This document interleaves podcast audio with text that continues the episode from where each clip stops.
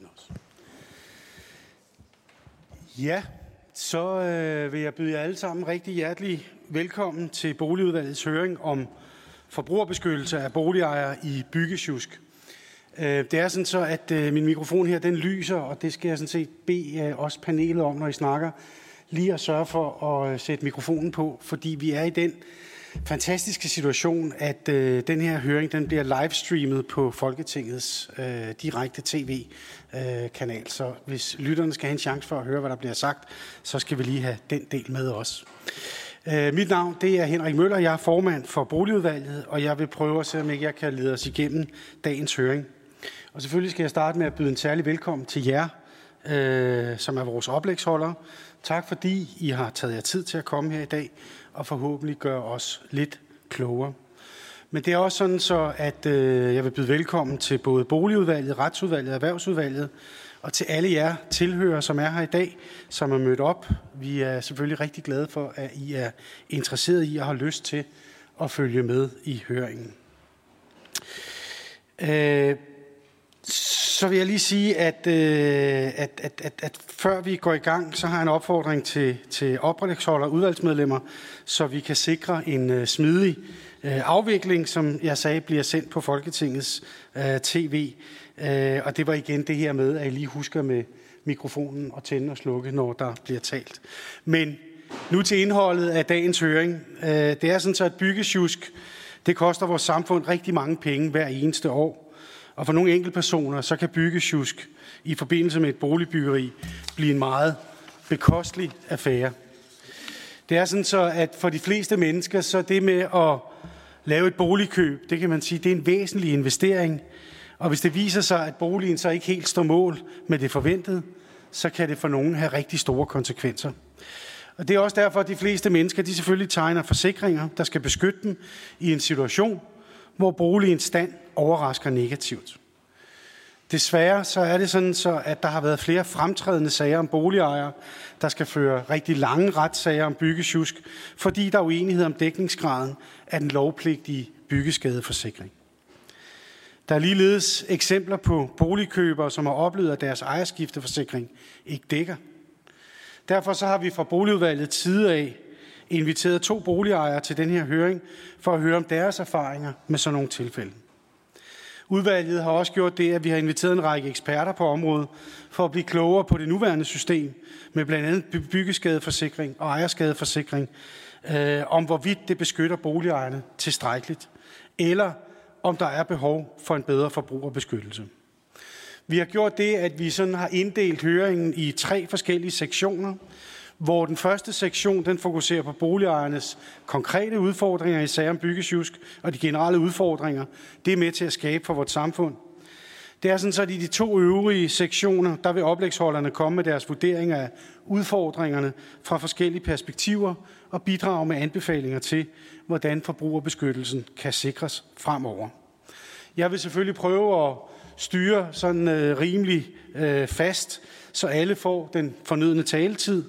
Men det er også sådan, så der bliver tid til spørgsmål, både fra udvalgets medlemmer, men også fra høringens tilhører.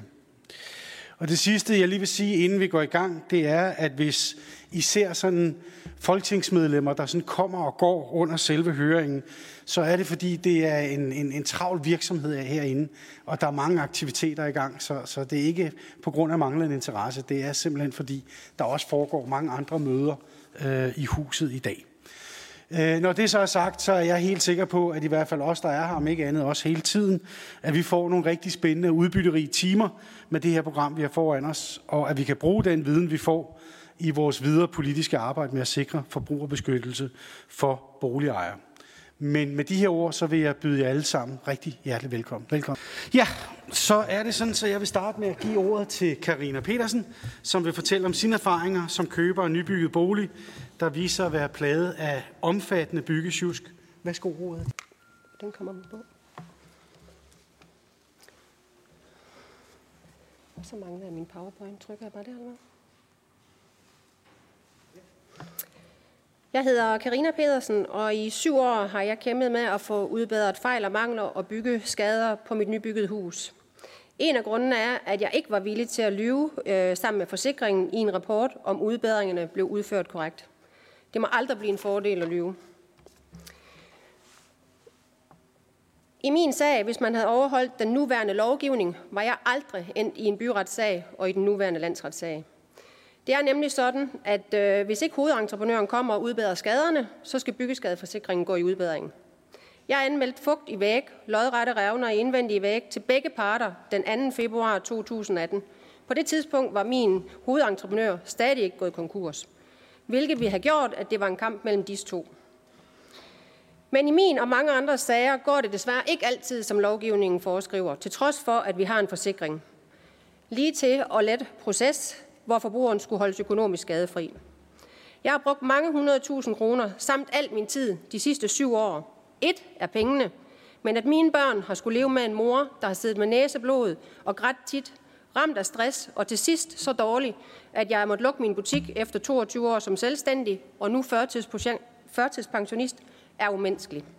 Formålet var netop, at forbrugeren ikke skulle igennem lange retssager og ende i økonomisk ruin. Mine børns og min fremtid ser væsentligt anderledes ud, hvis jeg taber i landsretten. Jeg var stolt og lykkelig over, at jeg som enlig mor tilbage i 2016 kunne købe et nyt hus til min, til min lille familie. Det er den største investering, mange gør i livet, og så kan man ende i sådan en ulykkelig situation. Den skulle også øge kvaliteten af byggeri, og det er efterhånden ugenligt, at vi kan læse om en ny familie, der står med et hus fuld af fejl og mangler, de ikke kan få udbedret. I min Facebook-gruppe Forbrugerbeskyttelse i Danmark er vi nu 2.000 medlemmer, hvor der sidder mange familier og beretter om forældre, der har selvmordstanker, depressioner, angst, skilsmisser. Det her det har ikke kun økonomiske konsekvenser, men også i den grad menneskelige. Forsikringsselskaberne det er en stor modstander, især i en retslig sammenhæng. De har ofte uudtømmelige ressourcer, både med hensyn til økonomi og tid. Det har mange almindelige borgere ikke. Hvis forsikringerne har økonomi til at bruge de store advokater, så bør forbrugeren også få det. Men vi har ofte retshjælpsforsikrede advokater, som ikke har samme tid til vores sag. Jeg fik først fri proces en måned, inden jeg skulle i landsretten efter to afslag. Erfaringen viser, at en retssag, hvor der er syn og skøn indover, ofte overstiger dækningen på retshjælp. Et beløb, som forbrugeren så risikerer at skulle betale, hvis sagen ikke vindes eller ankes til landsretten. Når man har forsikringen som modpart, så nærmer man sig til det område, hvor forlig eller give op bliver den eneste mulighed. Igen et økonomisk tab til forbrugeren. I en retsstat er lighed for loven også i forhold til forsikringsselskaber et grundlæggende princip, som skal overholdes. Skønsmandens erklæring den bliver ofte tillagt meget stor bevismæssig vægt. Derfor kan det let hos en part opstå en fornemmelse af, at det står og falder om skønsmandens konklusioner, om parten vinder eller taber. Jeg siger ikke, det skal være nemt at anfægte den rapport, men det må ikke være umuligt. I en række tilfælde findes der ikke kun ét rigtigt svar. Som følge heraf kan det, trods omhu med udformning af spørgsmål og forberedelse til skønsmanden, under tiden synes at bero på, hvem der blev udpeget som skønsmand. Hvordan det udmeldte syn og skøn falder ud. I mangelbegrebet paragraf 30 står der, er arbejdet ikke udført i overensstemmelse med aftalen, fagmæssigt korrekt, eller efter de gældende anvisninger og god kvalitet, foreligger der en fejl. Vi ved i min sag, at jeg har vand i væg, manglende ventilering på tagkonstruktion, forkert anvendt ekspanderende polystyren, trykstyrke i fundament, og alligevel er der brugt tid og penge til syn og skønhedsmanden rapport til landsretssagen. 69 timer til 109.000, derefter til supplerende spørgsmål 68 timer til 108.000, fordi vi ikke er enige i hans konklusion, som nu er prissat til cirka det halve af min vundne byretssag på de 1,5 millioner. Jeg skulle have haft min landsretdom den 12. september, men den blev desværre udsat til den 26. september, så jeg kender stadig ikke mine børns og min skæbne. I bekendtgørelser vedrørende skader står der, svækkelser i bygninger, som har forhold i opførselen og som er væsentlige, altså fra første spadestik. Fysiske forhold ved bebyggelsen, som giver nærliggende risiko for byggeskade, og om offentlige forskrifter er overholdt, SBI-anvisninger, gældende normer, bygningsreglement osv. Men vigtigst, om arbejdet er udført fagmæssigt korrekt. Hvordan kan så mange familier så ende i lange seje retssager, hvis man har bevis for, at det netop ikke er korrekt udført? Og burde det så netop ikke være simpelt, at huset bare skal laves om? Burde syn og skønsmand ikke netop i sin, i sin rapport blot skrive, ikke udført fagmæssigt korrekt? I stedet for at sidde og gamble med løsninger og priser. Vi vil ikke have penge. Vi vil have det hus, vi købte og betalte for. Erhvervs- og Byggestyrelsen skal holde øje med de lovpligtige eftersyn, de gennemføres. Ellers skal de varsle tre uger øh, forsikringen om at få det bragt i orden. I eftersynet skal der noteres, hvis der er tegn på svigt, der er fejl i konstruktioner, offentlige forskrifter ikke er overholdt og almindelig god byggeskik.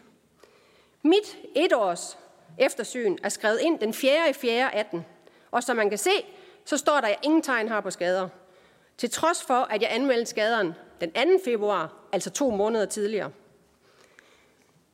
Mit femårs er noteret som et kopisyn.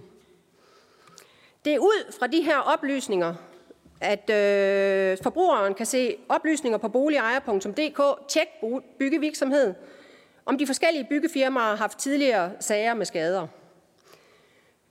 Som et eksempel øh, har jeg valgt Huskompaniet, og vi ser dem tit nævnt i medierne, at familier kæmper med fejl på deres hus, de ikke kan få udbedret. Oplysningerne på nettet viser noget helt andet. Kun én afdeling har 1% fejl, de andre bygger med 0%. Det er kommunalbestyrelsen, øh, der registrerer oplysningerne på BBR. I dag står 11.805 registreret som at have Marshall McLennan som deres byggeskadeforsikring. Dem, som i min sag oplyser, de ikke er en forsikring. Jeg kontaktede endda Randers Kommune og ligeledes sekretariatet for byggeskadeforsikring, som begge oplyste mig om, at det var de. Forbrugeren har ikke selv tegnet forsikringen. Det gør hovedentreprenøren. Det eneste forbrugeren har gjort, det er at have handlet i god tro. Hvad bør ændres? Byggeskadeforsikringen skal være det sikkerhedsnet, der virker, når alt andet ikke gør. Der mangler en instans inden for byggeri, en eventuelt ombudsmand. Mit forslag, jeg skal lige ind. Kontakter man forbrugerombudsmanden, bliver man henvist til ankenævnet for forsikring. Mit forslag, man melder skaden til både hovedentreprenøren og forsikringen. Alle parter mødes i huset med en uvildig øh, sagkyndig. Herefter har forbrugeren ikke mere med det at gøre. Denne afventer kun dato for igangsættelse og eventuel fraflytning. Fra anmeldelse til udbedring må der maks gå et et halvt år. Opstår der en tvist om, hvem der skal betale, må det være en, en øh, sag mellem hovedentreprenøren og forsikringen. Så vil teksten i lovgivningen passe. Lige til og let proces, hvor forbrugeren holdes økonomisk skadefri. Jeg vil endnu en gang sige tak for jeres tid. Tak, Karine. Det næste, vi har, er Sanna Lund, som vil fortælle os om sine erfaringer med køb af en bolig, som viste sig at indeholde både mangler og skader. Øh, og værsgo, øh, Sanna. Ordet er dit.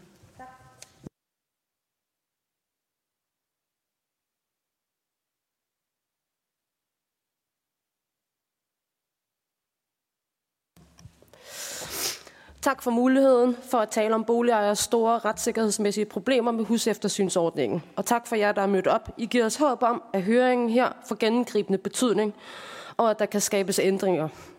Vi ved, at vi taler på mange husejers vegne i dag. I 2019 havde vi sparet op til at købe et større 60'erhus, som vi glæder os til at modernisere og bo i. Vi havde rigtig mange drømme dengang. Vi købte med en tilstandsrapport med 1K3 på en rest og 2K2 og så tegnede vi ellers ejerskifteforsikring for at sikre os mod skjulte fejl og mangler. Vores hus, øh, vi var ikke bekymrede, og vores husforsikring ringede os op efter at have læst salgsopstillingen og tilstandsrapporten med et tillykke, det ligner et godt hus. Vi opdager gradvis efter indflytning af huset har alvorlige og store skader, hvoraf flere er personfarlige eller sundhedsskadelige. Vi har på ingen måde råd til at udbedre dem. Til eksempel er tilbygning med soveværelse uden fugtspær, uden stolper, uden ventilation i gulvet, sætningsskade og nedrivningsklar ved giftige skimmelsvampespore. Retligt er vi til synlædende de jure beskyttet. Tilstandsrapporten indeholder ingen relevante forbehold, da vi har opdaget skjulte væsentlige fejl og mangler, der væsentligt nedsætter bygningens byggetekniske værdi og brugbarhed. Som forsikringstager har vi bevisbyrden og kontakter derfor flere sagkyndige. To af dem har ingen tiltro til forsikringen eller domstolene, på trods af, at flere af dem er skønsmænd ved domstolene og anbefaler snyd. Kun Morten Mathiasen til stede i dag laver notat med udgangspunkt i love og normer. Vores advokat påpeger, at vores tilstandsrapport er klart forlagtigt beskrevet, og at det er fastslået i et hav af domme og kendelser. Men betalt police aftale, tror man jo som forbruger, man har en aftale. Men over tre år får vi ikke vejledning af Domus, som vi har tegnet ejerskifteforsikring hos. De udskifter sagsbehandlerne så snart en af dem er ved at give dækningstilsavn. De kræver at gentaxere alle forhold mellem tre og fire gange og starter sagerne forfra og opfinder nye afvisningsgrundlag. Den overordnede vigtigste undersøgelse af vores hus blander Domus sig i. Og vupti er resultatet ændret til deres fordel. Der er altså korruption i, det, i, i, i hvad kan man sige, i, i de her øh, med at købe hus og de her folk, der er involveret. Den juridiske aftale om dækning ved skjulte fejl og mangler øh, eksisterer ikke de facto. Domus forvalter aftalen nærmest som EU i 1993 beskrev eksempler på urimelige aftaler mellem forbrugere og erhvervsdrivende.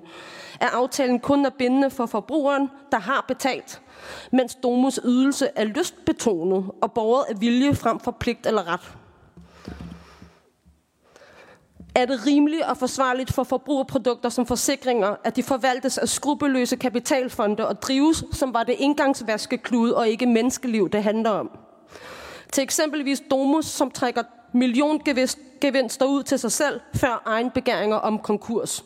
En ejerkreds med landsretsdomme for svindel, som kalkulerer underskudsnedskrivninger ved nedsættelse af erstatningsudbetalinger.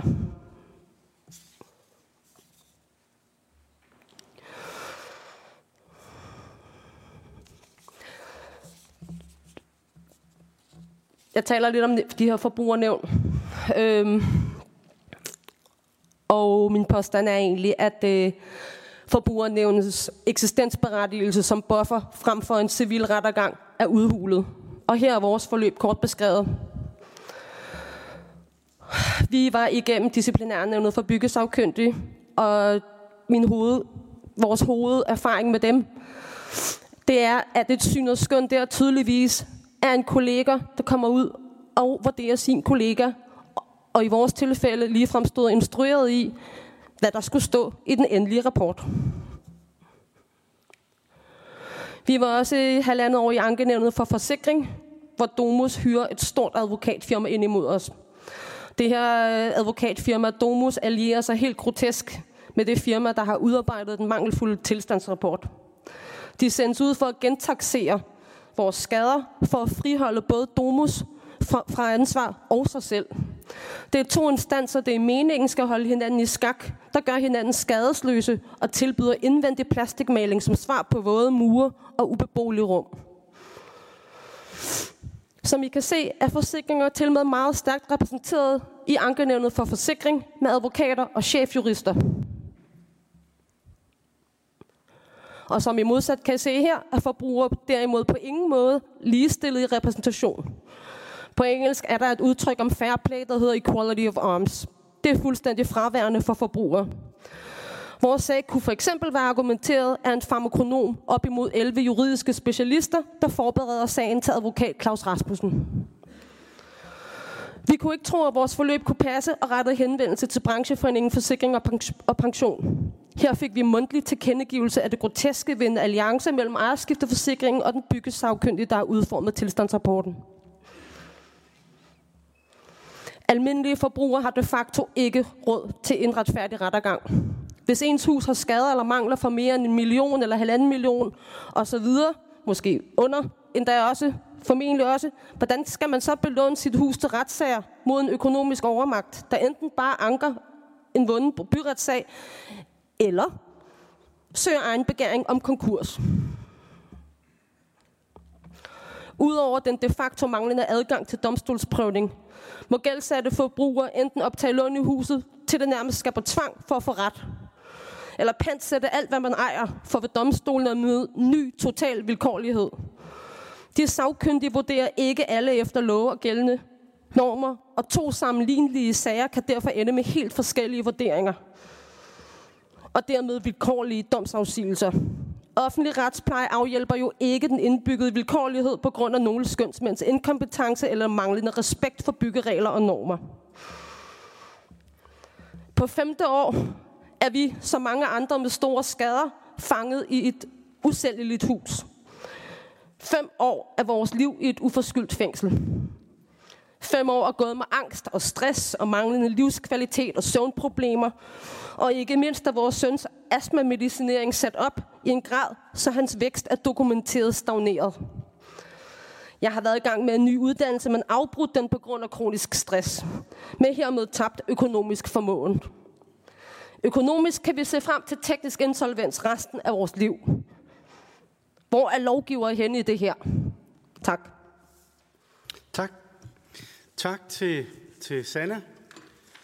Den øh, næste, vi har i den øh, første runde, der er her, det er Morten K. Mathisen, som er rådgivende bygningsingeniør. Og øh, Morten, værsgo, ordet er dit. Jo, tak. Skal vi lige, jeg tror lige, vi skal have et kort sat i, så det kommer der. Super. Check. Tak for det.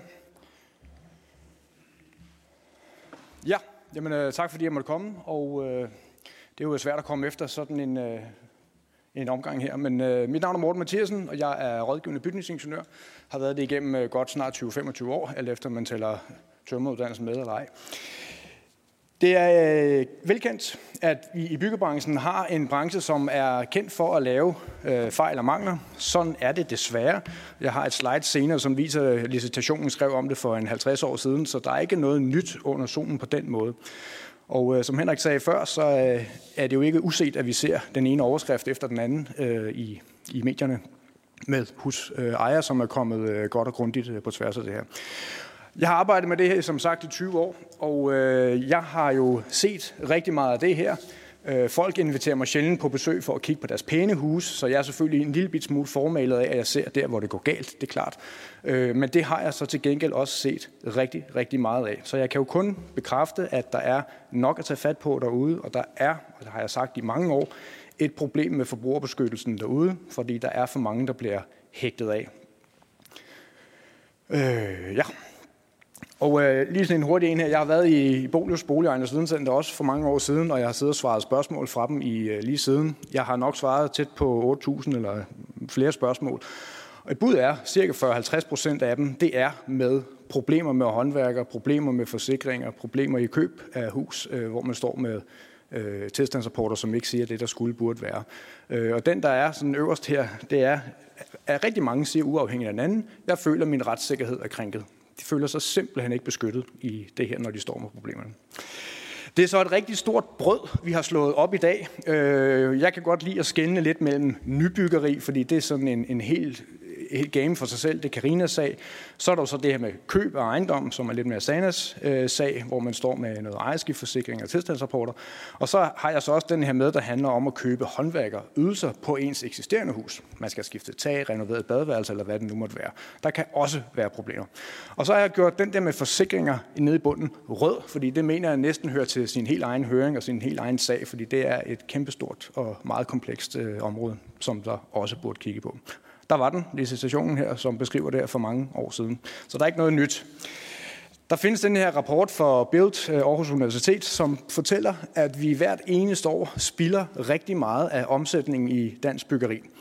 Det siges, at det er et sted mellem 20 og 30 procent af omsætningen, som går til spild. Det er så et sted mellem 24 og 72 milliarder kroner hvert eneste år.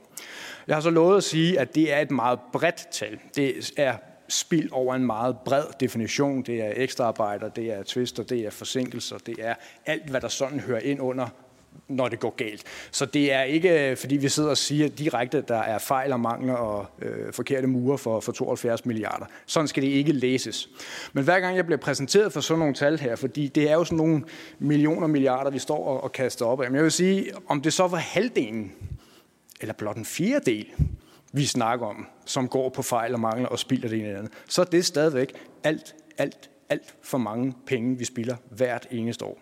Og hvis ikke det får at beskytte forbrugerne i deres øh, kamp mod den ene eller den anden, jamen så har vi altså også lige et klima, vi skal begynde at tænke lidt over noget ressourceknaphed. Så det nytter altså ikke noget, at vi skal bygge tingene om to eller tre gange, når vi laver det forkert. Men det er fakta, at der er rigtig mange sager derude. Øh, byggeriets ankenævn de har cirka 700-800 sager om året. Det er de her sager, som ikke omhandler nybyggeri, fordi de tager kun sager under 1 million øh, med nybyggeri. Håndværkets ankenævn de har 150-200 sager. Det tal, jeg har taget fra deres årsrapporter. Øh, fra voldgiftsnævnet, det er jo lidt mere noget andet, fordi de tager jo som udgangspunkt ikke her fra Danmarks sager, men de udpeger øh, eller udmelder skønsmændene for deres skønsmandskorps, hvor jeg blandt selv er, og de udpeger cirka et sted mellem 1000 og 1100 skønsmænd øh, hvert eneste år, altså til typisk domstolssager, øh, og selvfølgelig også deres egen sager. Så kontaktede jeg Domstolsstyrelsen for at høre, hvor mange sager er der egentlig, hvor I har registreret, at det handler om forbruger- og byggesager. Det var et lidt løst tal, så I må lige tage det, der står her med et grænsalt, fordi det er det, det, det er komplekst. Men det er cirka 1700 sager, som handler om entrepriser og håndværker, og så er det, øh, der er noget andet planlægning og byggeregulering. Det er 50 sager, så det er lige meget. Men altså, hvor alting er, det er en del sager. Så kan man jo altid begynde at sammenligne det her med, hvor mange huse bliver der bygget om året, og hvor stor andel er så det her. Men så kommer vi tilbage til en vigtig pointe, og det er jo det her med, at når det går galt i byggeri, så går det rigtig, rigtig galt. Der er nok nogle brancher, det værre at lave fejl i, øh, flyindustrien eller medicinalindustrien, men jeg kan også love jer for, at de har en tusind gange bedre kvalitetssikring, end man ser inden for dansk byggeri. For det er et kæmpe mangel herinde, at vi simpelthen ikke får kvalitetssikret det arbejde, der bliver lavet. Man kunne komme ind på alt muligt andet, at når man er forbruger, og man skal ud og bygge sig et nyt hus, så kan man altså sikre sig. Selvfølgelig kan man det. Man kan hyre advokater og byggesagkyndige og alt muligt andet til at sikre sig igennem den gode proces. Og jeg skal skynde mig at sende en hilsen ud og sige, at der bliver også bygget nogle rigtig fine og gode huse derude. Ingen tvivl om det. Øh, så det er lidt et specielt game, det her, når man går ud og køber sig et nyt hus, eller bestiller et nyt hus til adskillige millioner. Der skal man selvfølgelig gardere sig bedre end bare at ja, øh, møde op og bede om et nyt hus. Men der er så også det her, som vi har hørt om med byggeskadeforsikringer, som så skulle udgøre det her øh, sikkerhedsnet under øh, byggeriet. Skulle det gå galt, skulle byggefirmaet gå konkurs. Men det er altså meget, meget vigtigt at, at her kigge på, at de dækker kun væsentlige skader. Og det er jo også fint nok. Som jeg plejer at sige, huset skal nærmest være flækket i to, før at byggeskadeforsikringen går ind og siger, at det skal vi nok tage os af det her. Alt det andet, dårligt murværk, dårlige gulve, fejl på badeværelset, hvad det nu måtte være, Øh, malermangler for den sags skyld, og det er måske bare kosmetisk, men det koster nogle mange penge at udbedre alligevel. Det dækker en byggeskadeforsikring ikke. Så hvis man har en byggefirma, der er gået konkurs eller på anden måde nægter at udbedre, så er man altså overladt til sig selv og må, kan næsten kun tage domstolene for at få ret i sin sag. Så så det her med, at man har et system, der gør, at man er forsikret, eller undskyld, beskyttet af nogle forsikringer, det er ikke altid øh, så sjovt, som vi lige har hørt her, både fra, fra begge to. Så, øh, så er det altså en kamp op imod forsikringsselskaberne. Forsikringer er komplekst. Jeg er ikke forsikringsekspert, men, men det er komplekst, og der er masser af betingelser og love inden for det her, som skal overholdes. Og der er også rigtig mange forbrugere, der slår hovedet panden mod muren her, fordi det kan godt være, at der er en forsikring, og den er lovbestemt, men den, den bliver man så ikke øh, sikret af, som sagt. Øh, så det er igen, som jeg sagde før, det er et emne helt for sig, at man skal kigge på de her forsikringer. Øh, hvad har vi her? Jeg skal lige se. Øh, jo, men det var også bare... Øh, jo, undskyld, det var ankenævnet for forsikring og pension. Der kommer jo selvfølgelig også øh, klager ind til ankenævnet. Og de, der kan man jo se, at 20 procent af klagerne til forsikring og pension, de ligger på øh, ejerskibsforsikring. Det er klart den forsikrings Øh, Øh, ydelse, der får allerflest klager i, øh, i ankenævnet derinde. Så der er nok noget. Yes, men altså som sagt, der er nogle huller i landkortet, og øh, der er nok, man kan tage fat på. Jeg har sendt et lille arbejdsnotat til boligudvalget, som man kan kigge på frem for jeg gennemgår alt det her, ellers så kan vi tage det sådan lidt øh, løbende. Men øh, jeg igen har delt op i lidt forskellige måder, man kan stå som forbruger. Check. Super. Tak skal du have for det øh, så vil det være sådan så, at vi vil åbne op for, at øh, vi kan have en lille spørgerunde øh, i forhold til de tre første indlæg, vi har haft. Og øh, det er jo selvfølgelig sådan så, at udvalgets medlemmer har muligheden allerførst og efterfølgende, så er der også mulighed for i salen eventuelt lige at komme med spørgsmål, hvis det er. Øh, men Sigurd, Ja, tak for det. Og, og først og fremmest så har jeg jo fuld forståelse for, at det her er jo øh, meget voldsomme øh, sager også at være i som borger. Det er jo klart ens øh, vigtigste øh, investering i livet, det er at købe en bolig, så det har øh, store øh, konsekvenser. Og det der, øh, det, der kan være svært politisk for os, det er jo, at vi tænker, at lovgivningen er som sådan meget godt på plads, hvis man bare kigger på den overordnet set. Hvorfor sikrer den så ikke øh, boligejerne øh, bedre? Så det, jeg vil høre i hvert fald dig, Karina og også Morten om, øh, måske det er det her omkring skønsmanden. Øh, du sagde, Karina, at, at det ikke virkede som en øh, helt upartisk øh, vurdering, øh, uden at skulle lægge dig ord i munden. Vil du ikke uddybe, hvorfor det, og Morten også måske lige komme med dit syns på, om skønsmandsinstitutionen fungerer øh, ordentligt op til retssagerne? Tak. Yes, jeg, jeg har lige fra de tre udvalgsmedlemmer her, så hvis I lige noterer, så samler vi lige op på dem. Øh, Michael Aarstrup. Jamen, tusind tak, og øh, ikke mindst øh, fuldt forståeligt, at det er noget, som øh, berører jer rigtig, rigtig dybt. Øh, sag har jeg jo fuldt nøje, øh, fordi det kommer jo hjem fra min øh, hjemkommune, øh, og har også været ude og besøge huset, og jeg kan jo selv se den situation, der er derude. Øh, men til Sanna, jeg har nogle konkrete spørgsmål til dig, fordi øh, mit indtryk er, at der er stor, stor forskel på de her forsikringsselskaber. Øh, altså, at der er nogen, som er, undskyld, jeg siger det, helt forfærdelige, øh, som gør alt, hvad man kunne, jævnføre også dit konkrete eksempel. Men der er andre, der er bedre. Er det noget, I hører også, alt med den kontakt, også dig, Karina, i forhold til det, selvom du ikke har meget at gøre? Er det noget af det, som I hører også, eller, eller, eller er det forkert, det indtryk, jeg har? Det var det første del af spørgsmålet. Og fordi jeg er en politiker, stiller jeg to dele spørgsmål. Øhm, og, og det andet spørgsmål, det er så til både måske Karina og Morten. Karina, du har nogle konkrete forslag, som jeg synes ser rigtig, rigtig spændende ud. Øh, men hvad kan vi gøre for at, skal vi sige, løse problemet her og nu? For eksempel det med, at du tror, at du køber en forsikring fra et selskab, som overhovedet ikke er et forsikringsselskab, men bare er en salgsagentur, hvad man skal kalde det. Kan man gøre noget mere? Altså, hvad kan vi gøre i forhold til åbenheden, så du som boligkøber reelt ved, hvem det er, du har kontakten med, osv.? Altså, hvor høj en grad åbenhed, og ikke mindst, hvordan kan vi lave den åbenhed? Det var mine spørgsmål. Tak. Og den sidste her i den her runde, det er Thomas Mondberg. Værsgo, Thomas. Øh, tak skal du have, Henrik. og tak fordi I kom, og tak fordi at I, I bragte det her ind til øh, boligudvalget. Det er vi rigtig glade for, fordi øh, det, det er jo ikke kun jer, der står i det her problem. Det, det er der rigtig mange, der gør. Øh, jeg ved selv, når jeg skal indgå en øh, ejerskifteforsikring, så er det altid med et eller andet vis mismod. Øh, fordi jeg ved ikke helt, hvor meget jeg egentlig kan bruge den til. Fordi jeg ved ikke, hvad, hvad jeg ender med, når jeg kommer ud i yderste tilfælde. Og det er også det, jeg sådan lidt hæfter mig allermest i. Det er den her øh, gennemskuelighed af forbrugerrettigheder i, hvordan står man indsat i, når uheldet er ude, og det man prøver at forsikre sig imod. Jeg tror også, det er det, jeg mærker essensen i jer, det er den der utryghed, I har, og som I jo netop er bevist i jeres sager. Så, øh, så jeg glæder mig jo til, at vi skal ned, i, ned igennem og høre her, hvordan det kan. Og så, øh, så håber jeg jo også dit forslag, Karina, fordi det kunne nu, jeg er meget enig med det spørgsmål, Sigurd han kommer med, fordi det kunne jeg da godt tænke mig at prøve at, at høre, hvordan det, om, det, om det er noget, der er øh, i ministerier og finde ud af, om det er noget, der er retsligt gående, eller om vi skal have et eller andet, så en eller anden ændring eller et eller andet. Men jeg vil i hvert fald gerne være med til at stærke, styrke de her forbrugerrettigheder rigtig, rigtig meget. Så tak fordi I har kommet og fortalt jeres historie. Tak. Øh, vi starter simpelthen med Karina og går turen over. Værsgo, Karina. Det var øh, på dit spørgsmål vedrørende syn og skønsmænd der kan jeg jo selvfølgelig undre mig over, at øh, jeg har haft adskillige øh, fagfolk til at kigge mit hus og fået lavet, ud, lavet rapporter og noget. Og nu står jeg så med én mand, som vurderer fuldstændig anderledes.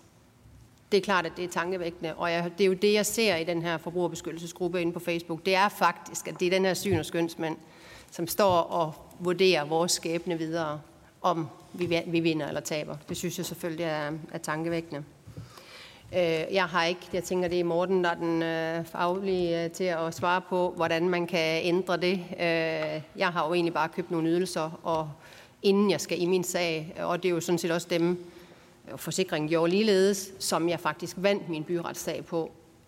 At man så skal have et yderligere syn og skøn i en landsretssag, synes jeg også er fuldstændig voldsomt, både på tid og, og økonomi. Øh, det jeg egentlig også oplever med alt det her, det er egentlig, at det er som om, at instanserne ikke har styr på, hvem, hvem skal hvad. Altså jeg har ringet til samtlige og man bliver sendt videre. Når jeg ringer til kommunen, så beder de mig ringe til sekretariatet for byggeskadeforsikring. De har ikke noget med det at gøre og siger, at så skal jeg gå til ankenævn for forsikring, som man så kontakter, og så skal du igennem en sag der først, hvilket min advokat faktisk frarådet fra start af. Waste of time. Spring det over over. Du kan lige så godt gå i en øh, civil retssag. Så det jeg egentlig ser også, det er, at der ligger faktisk en fin lovgivning på det område inden for mit. Den er rigtig fin, og den var jo lavet af en årsag, fordi vi havde så mange familier, der sad der.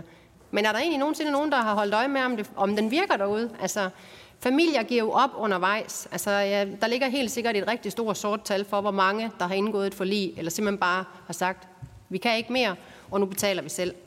Øh, så jeg har egentlig sådan lidt, at der ligger en fin lovgivning. Der er nogle enkelte punkter, som jeg siger i, mit, øh, i min høring nu også, det er, vi vil ikke have penge. I skal ikke sidde og gamble om, hvad tingene koster, fordi den dag, vi skal ud og have tilbuddet, så kan det være, at det ikke er det tilbud alligevel. Vi vil have det hus, vi købte og betalt for. Så det er en af de ting, jeg sådan tænker i lovgivningen, det er, når de her skader de opstår, de bliver anmeldt og alt det her, så trækker vi os tilbage. Det står der jo egentlig også lige til at lette proces, ikke? hvor vi holdes økonomisk skadefri.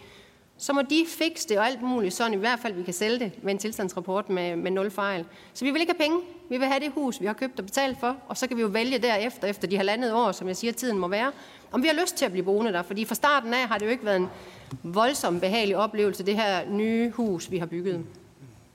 Ja. Tak. Ja, Sanna.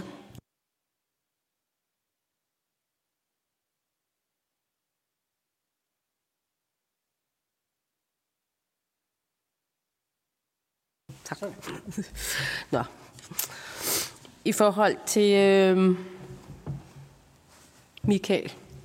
Ja, du spørger lidt om alle ejerskifteforsikringer er lige slemme. Der er selvfølgelig grille tilfælde inden for alle ejerskifteforsikringer, men Domus, Domus ejerkreds, der sidder jo faktisk dømte kriminelle i den ejerkreds. Det er jo helt vanvittigt. Altså, øh, det er meningen, at vi som forbrugere skal have tillid til de finansielle institutioner her i landet. Jeg kan slet ikke forstå, at det kan få lov at, at eksistere. De er særskilt forfærdelige i sagens natur. Øhm, spørger os, hvad man kan gøre. Øh, og jeg tænker, at forsikringsankenævnet, der skal kunne udmelde syn og skøn der. De skal ikke afvise de store, komplekse sager under paragraf 4. Vi har kæmpet der i halvandet år efter at have kæmpet i alle de andre nævn. Øh, de skal kunne udmelde syn og skøn, og skønsmændene skal pålægge sig dømme efter de gældende love og normer, der er på området. Det er jo helt vanvittigt. De kan få lov til at stå og dømme helt anderledes. Altså, de er jo med til at, at vedligeholde hvad kan man sige, et marked, hvor der bliver ved med at være byggesjusk. Øh, der skal være ligestilling mellem parterne, mellem forbrugere og forsikringsselskaber. Det bliver der nødt til. Det er jo helt vanvittigt. Der er folk, der er selvmordstruede inden for det her. Altså, der skal være allerede i forsikringsankenævnet, der skal være ligeligt. Hvorfor får forbrugerne ikke advokater og chefjurister til at kæmpe? Hvorfor er det 10 mennesker udpeget forbrugerrådet? Tænk, jeg har forsøgt at google dem, jeg kan knap nok finde ud af, hvad de har baggrund. Nogle enkelte af dem, farmakonomen for eksempel, fandt jeg frem til. Men det er meningen, at vedkommende skal sidde og argumentere forbrugernes sag over for 11 chefjurister og advokater, der har forberedt sagen til deres advokater eller jurister, fordi de er selvfølgelig stærkt repræsenteret i det nævn. Det er jo også helt vanvittigt. Det er jo helt vanvittigt. Allerede der er man jo rigtig dårligt stillet. Så vil jeg sige, i forhold til uh, uh, domstolene og øh, civil sag, også der er man jo fantastisk dårligt stillet med en retshjælpforsikring. Den dækker jo ingenting. Vi kan jo se allerede nu, vi er i gang med at stævne vi kan jo se, at det vi har udsigt til, hvordan skal vi belåne vores hus til den her retssag? Hvordan skal vi gøre det? Altså, det er jo, altså den, dæk, den dækker jo ingenting. Så i sager omkring fast ejendom, som er en stor investering, der skal retshjælpsforsikringen sættes op. Man skal have mulighed for at kæmpe på lige vilkår. Øh, så vil jeg også sige, at der er manglende tilsyn fra Finanstilsynet. Det er dem, der overvåger de her forsikringer. Jeg kan slet ikke, igen, gentage mig selv, men jeg kan slet, slet, slet ikke forstå, hvordan man kan sidde som en dømt økonomisk kriminel og være ejer af et forsikringsselskab, der skal gå ind og, og tage hånd om forbrugere. Hvordan fanden kan det lade sig gøre? Altså i bankvæsenet, der har man jo meget skrappe regler efterhånden, fordi vi netop skal have tillid til de finansielle institutioner.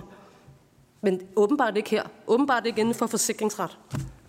Tak. Godt, tak. Så er det Morten, der runder af. Ja, jeg skal prøve at gøre det kort. Der blev spurgt til syn- og skønsmands ordningen. Nu taler jeg ikke på vegne af dem alle sammen. Og det, man skal lidt forstå, det er, at øh, inden for syn og skøn, så findes det i mange forskellige instanser. Så syn og skøn er ikke bare syn og skøn. Der er syn og skøn i Øh, byggeriets ankenævn, der er syn og skøn i domstolen, der er syn og skøn i voldgift, og så er der gud hjælp mig også syn og skøn inden for de her forsikringer. Øh, og, og, og tilstandsrapporter også i øvrigt. Øh, så så det, det, det er ikke bare lige at slå ind, øh, ind over en kamp. Men altså jo, jeg synes umiddelbart, det fungerer ganske udmærket. Men det er jo rigtigt, som der bliver sagt, at det kommer ofte ned til den enkelte person. Og hvis den enkelte person så ikke er, jeg siger det som det er, fagligt kompetent, så, øh, så er der selvfølgelig en udfordring der. Og jeg er fuldstændig enig med det, der er sagt. Det tror jeg også, jeg kan citeres for ude på nettet et eller andet sted, at jeg har samme holdning, at en skønsmand, han skal altid svare, om det er det håndværksmæssigt korrekt ud for de gældende love og standarder, vi har øh, anvisninger des lige. Og så må det være op til modparten at spørge, om det så betyder noget i den konkrete sag, at man har forbrudt sig imod en eller anden given regel. Men, øh, men jo, det fungerer ganske fint, men, men øh, det, der jo overrasker mange inden for syn men det er, at øh, inden for tilstandsrapporter, der er man jo en beskikket bygningssagkyndig, og man skal uddanne sig til det, og man skal have års erfaring osv. osv. Der er faktisk ikke de samme krav til syn- og skyldsmand. En hver kan i teorien sende et CV ind til øh, de forskellige, og så melde sig som skyndsmand. Og så er der ikke den helt store kontrol med det.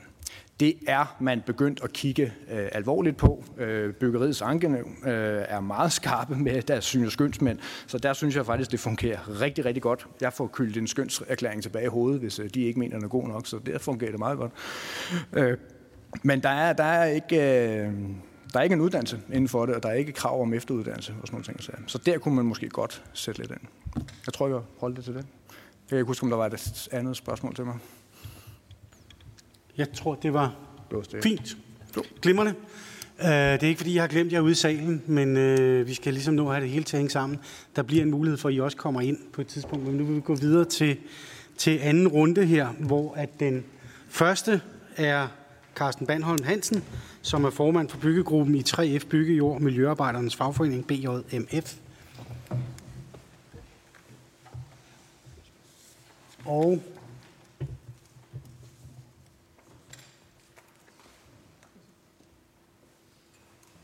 Ordet er dit. Værsgo. Tusind tak.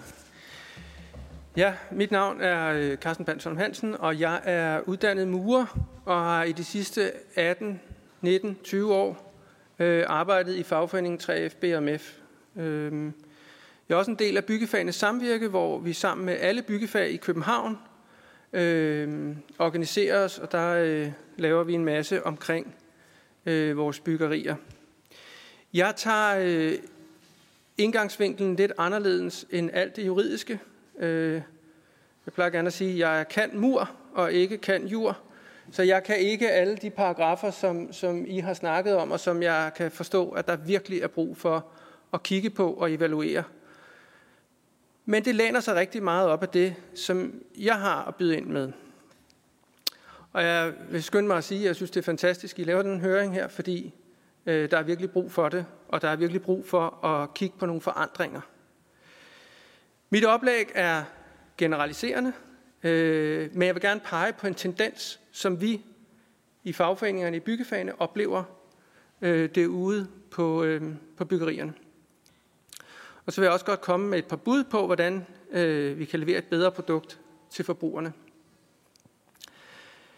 Nu snakkede Morten om, at det var 50 år siden, der var en artikel i licitation, men jeg vil kun gå 20 år tilbage, hvor jeg selv har, kan være øjenvidne på de forskellige ting, og der vil jeg gerne sige, at udviklingen på vores byggerier er gået fra nogenlunde til slem.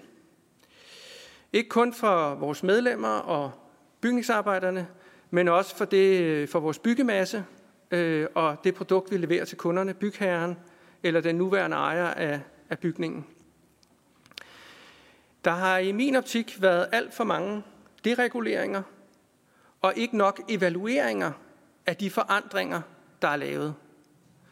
Her taler jeg ikke om overenskomster, men udlæggende om de forskellige forandringer, der er foretaget blandt lovgivere. Jeg skynder mig at sige, at vi skal også som overenskomstpart tage en del af vores skyld, men det gør vi ikke i dag. Øh, det gør vi ved et andet bord, øh, og der er helt sikkert noget, vi også kan forbedre for at gøre det bedre. Men nu er vi i Folketingets boligudvalg, og så vil vi fokusere på politikerne, eller jeg vil i hvert fald. Så lad mig lige starte med et par øh, det dereguleringer, som jeg mener bør evalueres og ændres. Og det hænger sammen med det slutprodukt, der kommer ud. Ændringerne i det objektive ansvar i arbejdsmiljølovgivningen har betydet, at arbejdstilsynet ikke stanser nok pladser, ikke giver nok påbud. Og hvad er konsekvensen af det? Det seriøse byggeri, som der også er derude, sidder tilbage med indtrykket af et arbejdstilsyn, der reelt ikke løfter opgaven.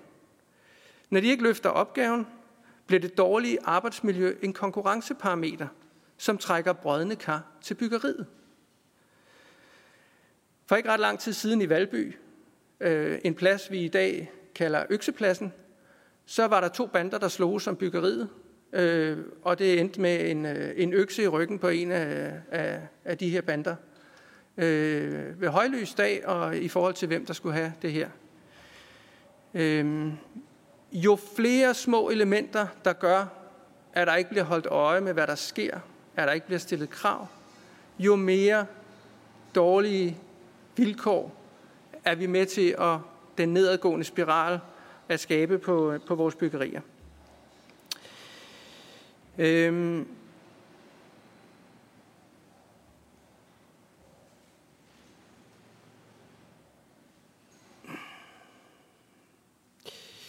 Dermed så bliver vores byggeri dårligere, og, øhm, og det rammer alle. Og ikke kun, øh, eller det rammer alle, der ikke er inde i det for en hurtig fortjeneste. Jeg vil også gerne tage fat på et andet punkt, hvor jeg synes, at I kan gøre noget. Det er, at øh, den virksomhedspolitik, som I tillader, er blevet meget mere liberal. Det er blevet for nemt at åbne og lukke virksomheder. Det er blevet for nemt at snyde med eksempelvis moms, skat, og der, der er næsten ingen kontrol og næsten ingen konsekvenser for at snyde så øh, er det igen en fordel for dem, som ikke følger reglerne. Og igen skaber det en nedadgående konkurrence. Igen generaliserende, så vil jeg hive fat i noget som byggeforberedelse, hvor der er få krav til det. Det er mere og mere en sjældenhed. Der er virksomheder, eller dele af virksomheder, der bruger tid og kræfter på forberedelse af byggeri, og så er der alle de andre. Og hvorfor er det relevant? Det er det eksempelvis i forhold til, at vi bor i Danmark, og vi har et relativt voldsomt værlig. Og øh, hvornår er det, vi bygger? Sner det? Regner det? Og har vi taget vores forholdsregler? Jeg vil påstå, at nogle bygherrer er heldige, og nogle ejere af byggerier er heldige, fordi deres byggeri blev bygget i en periode, hvor der ikke opstod udfordringer i forbindelse med byggeriet. Det regnede ikke, det blæste ikke, og så videre. Og så er der andre, som ikke er så heldige. Og hele byggeriet, fordi det ikke er afdækket, og fordi man ikke har forberedt sig på, at nu bygger vi i efteråret, eller om sommeren, eller om vinteren, så står hele byggeriet under vand. Gips, træ, installationer osv. Ofte er der ikke tid til at stoppe op. Byggeriet skal færdiggøres så hurtigt som muligt, også selvom maleren skal male på den nypudsede væg, som muren har forladt for et øjeblik siden, og som endnu ikke er tør. Et eksempel på at løse det kunne være, at man som leverandør, altså virksomhed, stiller en garanti på byggekernen Eksempelvis mod svamp eller andre skadelige ting, som varer betydeligt længere end den 1, 5, 10 års periode, som man gør i dag. Vi er så dygtige, eller burde være så dygtige til at bygge, at det øh, burde være en basal ting at kunne stille en sådan garanti, enten virksomhedsmæssigt, eller hvis ikke man er i stand til det, med en eller anden form for forsikring. Et, et minut, Carsten. Ja. Vi har i byggefagene samvirke ofte mødt ønsket fra vores kollegaer om en whistleblower-ordning, hvor bygningsarbejderne kan melde deres virksomhed til en eller anden form for instans for dårligt udført arbejde. når man bliver tvunget til at gøre det her velvidende om, at det bliver et dårligt resultat. Men alternativet er selvfølgelig, at den kollega mister sit arbejde. Generelt har vores byggeri fået en mindre værdi. Det er blevet mere øh, brug og smid væk, eller byg og rive ned, så vi kan sælge det igen og igen, end stolte traditioner og ambitioner om at bygge til eftertiden og levere et godt håndværk. I dag vurderer vi materialerne i forhold til miljøet til 50 år. Bygningsmaterialerne til 50 år. Hvorfor? Vi ved, at vi kan bygge, så byggerierne står i 100 og plus år. Hvorfor ikke stille nogle flere krav til vores byggerier, og så følge det op med garantiordninger, forsikringsordninger, som holder, ikke som det, der er blevet gengivet i dag. Jeg vil ønske, at I vil regulere noget mere i forhold til vores miljø og vores kvalitet, for jeg tror, at vi, vi sagtens kan levere på det. Vores uddannelser kan, og vores kollegaer kan, hvis de får muligheden for det. Tak. Tak, Carsten. Tusind tak. Den næste, vi har på talerstolen her, er Bjørn B. Christiansen, som er direktør i BFBE, som er branche Danmark. Og øh, Bjørn er på vej, kan jeg se. Ja, godt. Øh, tak for ordet, øh, og tak for, at boligudvalget sådan set har sat den her problemstilling på, øh, på dagsordenen. Det der, vi har med at gøre her i dag, det, det er jo sådan, øh, man kan sige, det er ret bredt. Øh, og det handler om på en eller anden måde også ligesom at få proppet ting ned i nogle øh, kasser, således at vi kan håndtere det. Øh, fordi man kan sige, at nogle af de her historier, som der vi hører, nu kender vi jo aldrig rigtigt, hvad skal man sige, sådan den, den, den yderste, hvad skal man sige, øh, hvad skal man sige, endelige tilstand på, på ting og på sager. Men, øh, men det viser jo sådan set meget godt, at, at man på en eller anden måde har brug for at få adresseret nogle af de her problemstillinger. Øh, det område, som der vi har Øh, kigge på her i dag, det handler dels om nybyggeri. Og nybyggeriet fylder omkring vel en procent øh, hvad skal man sige, af den samlede bygningsmasse. Og det eksisterende byggeri, når man handler øh, boliger, det fylder vel, hvad skal man sige, så 99 procent af den samlede stok. Det er bare for at få proportioner sådan lidt på, på, øh, på øh, hvad skal man sige, på, på geled. Øh, det er sådan, at øh, jeg for 10 år siden, der lavede jeg en, øh, ej, det er efterhånden ved at være længere tid siden, det er 15 år siden, der lavede sådan en kasseeftersyn af huseftersynsordningen. Og huseftersynsordningen, den vedrører sådan set de 99 procent boliger, som der der handles. Øh, og den ordning er faktisk efter min opfattelse en af de største sådan, forbrugerpolitiske øh, fremskridt, der er øh, gennemført i mange, mange år og har løst rigtig, rigtig mange problemer. Så er der nogle, hvad skal man sige, problemer til rest, og det må vi så sådan løbende forsøge at adressere. Da vi lavede, hvad skal man sige, kasseeftersynet derfor, for Øh, jeg tror det var tilbage i 2006 ved Realdanias øh, mellemkomst. Er det en af jer lige gider skifte øh, slide, eller gør man det her? Hvor gør jeg det hen? Ah, den er fedt. Tak. Øhm, for cirka øh, 10 år, øh, undskyld, for i cirka 2006, der gennemførte vi med Realdanias mellemkomst sådan et kasseeftersyn øh, om huseftersynsordningen. Hvordan fungerede den egentlig 10 år efter, at den var øh, i gang sat? Øh, fungerede den egentlig efter hensigten? Øh, og det førte sådan set så til, at det gjorde den sådan set, men, men der er jo altid behov for justeringer. Og det førte sådan set så til, at man efterfølgende lavede et, øh, et, et, et et meget langvarigt, øh, hvad skal man sige, arbejde i Justitsministeriet, og det førte så til en ny revision af lovgivningen i 12. Og nu står vi så her, hvad skal man sige, 25 år efter, og så skal jeg prøve lige at trække jer igennem sådan et 5 minutters kasse eftersyn af ordningen. Hvordan fungerer den egentlig øh, i dag? Øh, så det vil sige, at fokus er på tilstandsrapporten, og så er fokusen set på ejerskiftforsikring. De to ting hører sådan set uløseligt sammen. Øh, jeg har prøvet at tegne sådan et, eller rettere sagt et billede af sådan en isbjerg, for det, det viser sådan set vældig godt, hvad det er huseftersynsordning og det her med handler går ud på. Nemlig, at man får lavet en tilstandsrapport af sin, øh, af sin bolig, Øh, og så øh, det er den bygningssagkyndige, der gennemfører det, og han går bare ud ved hjælp af sine øjne og sin erfaring. Han går ikke ud og borer ned i gulvet, eller betongen, eller i fundamentet øh, men kigger sådan set og øh, laver en redegørelse til, til boligejeren. Så har køber sådan set et dokument, hvor det er, at øh, den bygningssagkyndige har, har været bygningen igennem, og hele grundprincippet er sådan set, at så forsikrer man sig sådan set imod resten. Og alt det her, det havde sådan set til formål jo at give køber et, et, et godt grundlag, og så også, hvad skal man sige, købes ud af den risiko, øh, der er, når man overtager et aktiv. I gamle dage var det sådan, at der var det sælger, der havde en enorm risiko ved, at man sådan set kunne hive om 20 år i retten bagefter. Og derfor var hele retssystemet simpelthen ved at sande til øh, der i 80'erne og i starten af 90'erne. Øh, og så laver man hele den her konstruktion, og man kan sige, det er jo så der, hvad skal man sige, problemstillingerne opstår, fordi hele forsikringsproduktet, øh, som jo sådan set på mange måder burde være et biprodukt af det her. Altså man har en gennemgang med en tilstandsrapport af et, øh, et hus, og så har man så at sige risikoafdækning ved en forsikring. Øh, det er desværre bare alene lidt sådan, så forsikringsproduktet er sådan set gået hen og blevet sådan ufrivilligt et, øh, et hovedprodukt, Øh, og det, det har jeg også, hvad skal man sige, lidt forslag til, hvordan det er, vi kan, øh, hvad skal man sige, prøve at få, få kigget på det. Øh, men hele ideen er sådan set at flytte risiko mellem køber og sælger. Øh, og sælger skal så kunne købe sig, undskyld, køber skal, skal så kunne købe sig ud af sin risiko ved hjælp af en, ved hjælp af en forsikring.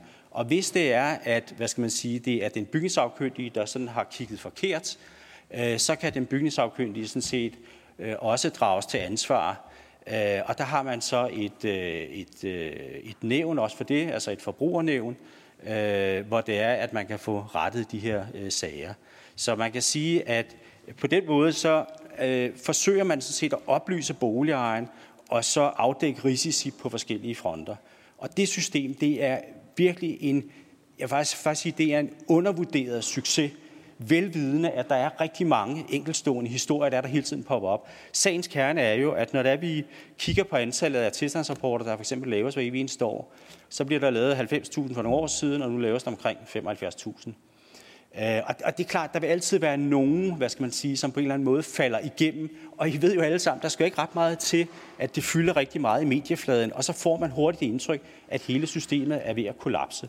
Så nu får I det her kasseeftersyn, nemlig at hvad er tilstanden på ordningen? Ja, hvis vi kigger sådan markedsmæssigt på det, det er jo en frivillig ordning, men det er faktisk sådan, at 95 procent af alle boliger, som, øh, som, som, øh, som bliver handlet øh, på ejerboligområdet, de kan faktisk, hvad skal man sige, de, øh, de får lavet en tilstandsrapport på, øh, på bygning, og cirka, jeg tror, en 3 fjerdedel eller 70 procent, de tegner også en ejerskiftforsikring. Det vil sige, at der er faktisk en ret stor del af køberne, som sådan set ikke tegner en ejerskiftforsikring.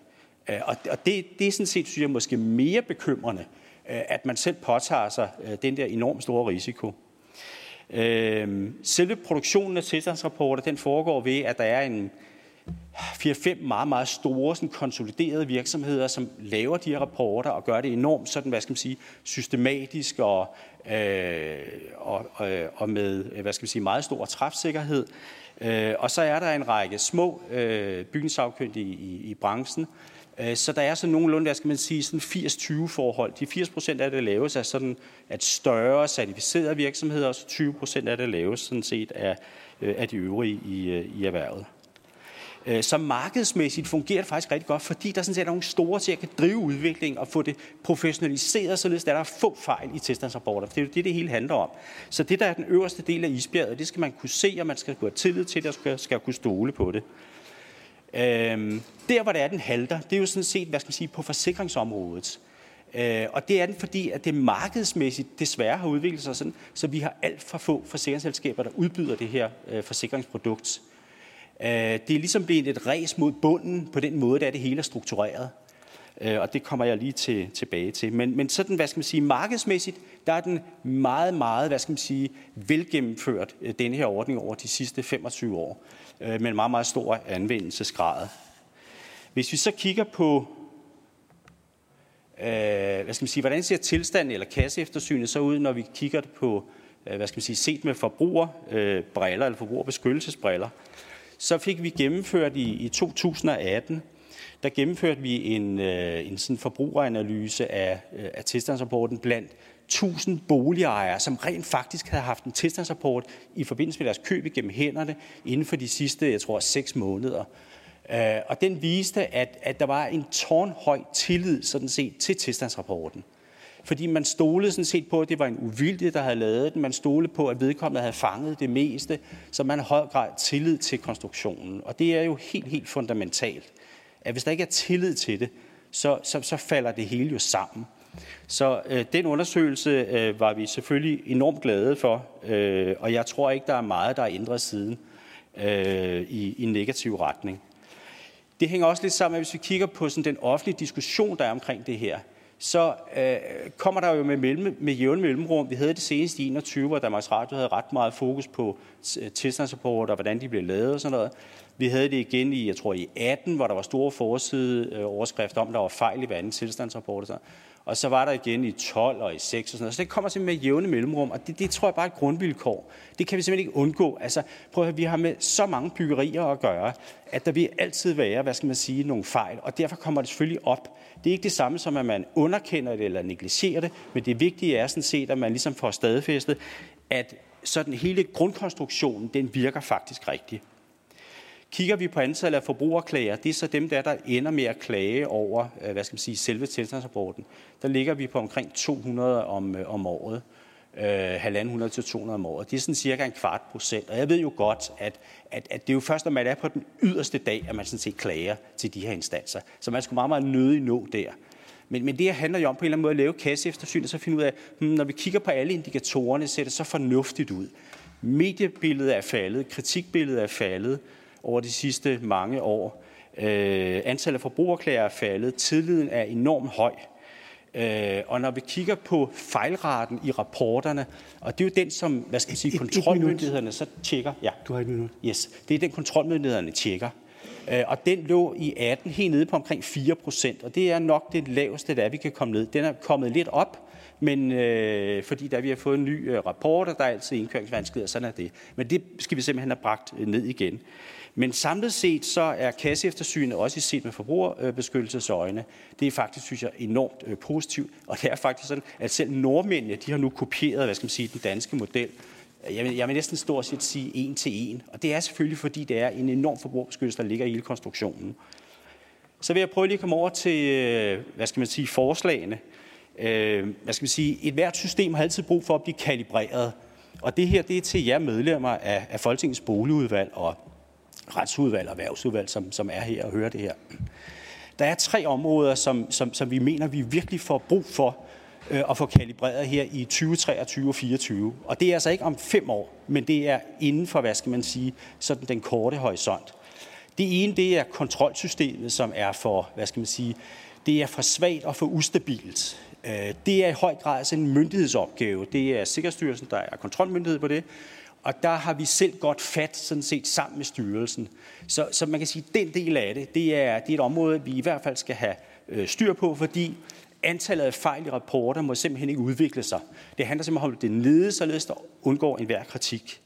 Det tager vi os af. Det, som I sådan set skal, hvad skal man sige, tage hånd om, det er de to næste. Vi skal have bygget et nyt lag af forbrugerbeskyttelse øh, omkring tilstandsrapporten. Og det gør vi ved at indføre mulighed for, at de virksomheder, der ved det, de kan lade sig certificere rent virksomhedsmæssigt. Det er sådan, at denne her ordning her, den fungerer sådan set som en personlig beskikkelsesordning, og det er helt usædvanligt inden for byggeri, og det er næsten lige så usædvanligt øh, inden for alle andre erhverv. Der er kun læger og advokater og sådan nogle ting, øh, som har sådan nogle af de her, og måske også nogle andre, som har sådan nogle af de her personlige øh, beskikkelsesordninger. Men det betyder rent faktisk, at når virksomheden er konsolideret, det er jeg prøve at vise først, når virksomheden er store og konsolideret, så skal de jo så at sige, de skal jo kunne lede deres virksomheder, de skal kunne arbejde på at få øh, kvaliteten op og fejlprocenten ned, og det kan man altså kun, hvis man får lov til at lede rigtigt. Så et enormt stort ønske, og det har vi haft i næsten, jeg tror, 20 år i den her branche, det er simpelthen at få lov til at lave virksomhedscertificering øh, som et lag ekstra oven på den personlige øh, beskikkelse, som er i ordningen. Øh, der er ikke rigtig nogen, der har lyst til at gøre noget ved det, men nu håber jeg på, at det her kan afstedkomme en igangsætning. Det sidste punkt, det vedrører ejendomsskifteforsikringen, øh, og den skal have et, øh, hvad skal man sige, et forventnings- og incitament eftersyn. Øh, og det er enormt urgent på en eller anden måde, fordi da vi har så få selskaber, og fordi da vi har alle de her problemstillinger, som altid rejses i den her sammenhæng, hvor det handler om skuffe forbrugere, som jo sidder med noget, som de troede dækket, fordi det er en ordning, der er enormt svær at forstå. Øh, og det må vi bare kende, det er et grundvilkår. Øh, vi har sammen med pensioner og forsikring og nogle af de andre aktører i branchen prøvet nu at skubbe på den proces, og jeg vil faktisk opfordre jer politikere, som sidder her i dag, simpelthen til at understøtte, at nu bliver der simpelthen sat turbo øh, på den del af det, så vi får kigget, vi får kalibreret vores forsikringssystem igennem, vi får kalibreret, hvad skal man sige, øh, ansvaret igennem omkring øh, virksomhedscertificering, og vi får styrket kontrollen. Fordi så tror jeg sådan set, at vi også, når jeg står her med stor øh, statsgaranti, ikke om 25 år laver nyt kasseeftersyn, men når en anden gør det, så vil vi simpelthen stadig have en forbrugerpolitisk ordning, som i historien også sådan set vil overgå som en af de helt, helt store øh, ordninger, tror jeg. Ja. Tak. tak. Det var et langt minut, det sidste yes, her. Beklager. Men øh, tak for det.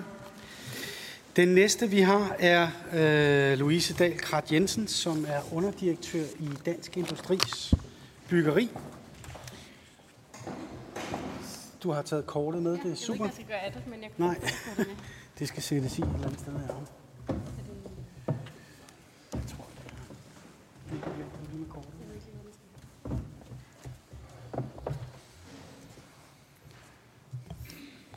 Ja, værsgo, ordet dit. Tak.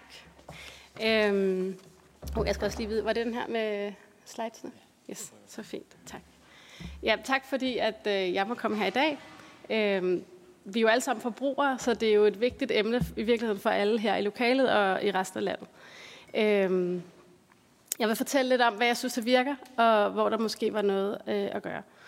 Øhm, meget er godt. Det synes jeg, der er. Vi har virkelig mange forbrugerbeskyttelsesregler i dansk lovgivning. Øhm, vi har forældelsesloven, øh, der giver os 10 års forældelse. Man kan ikke fravige det for forbrugere.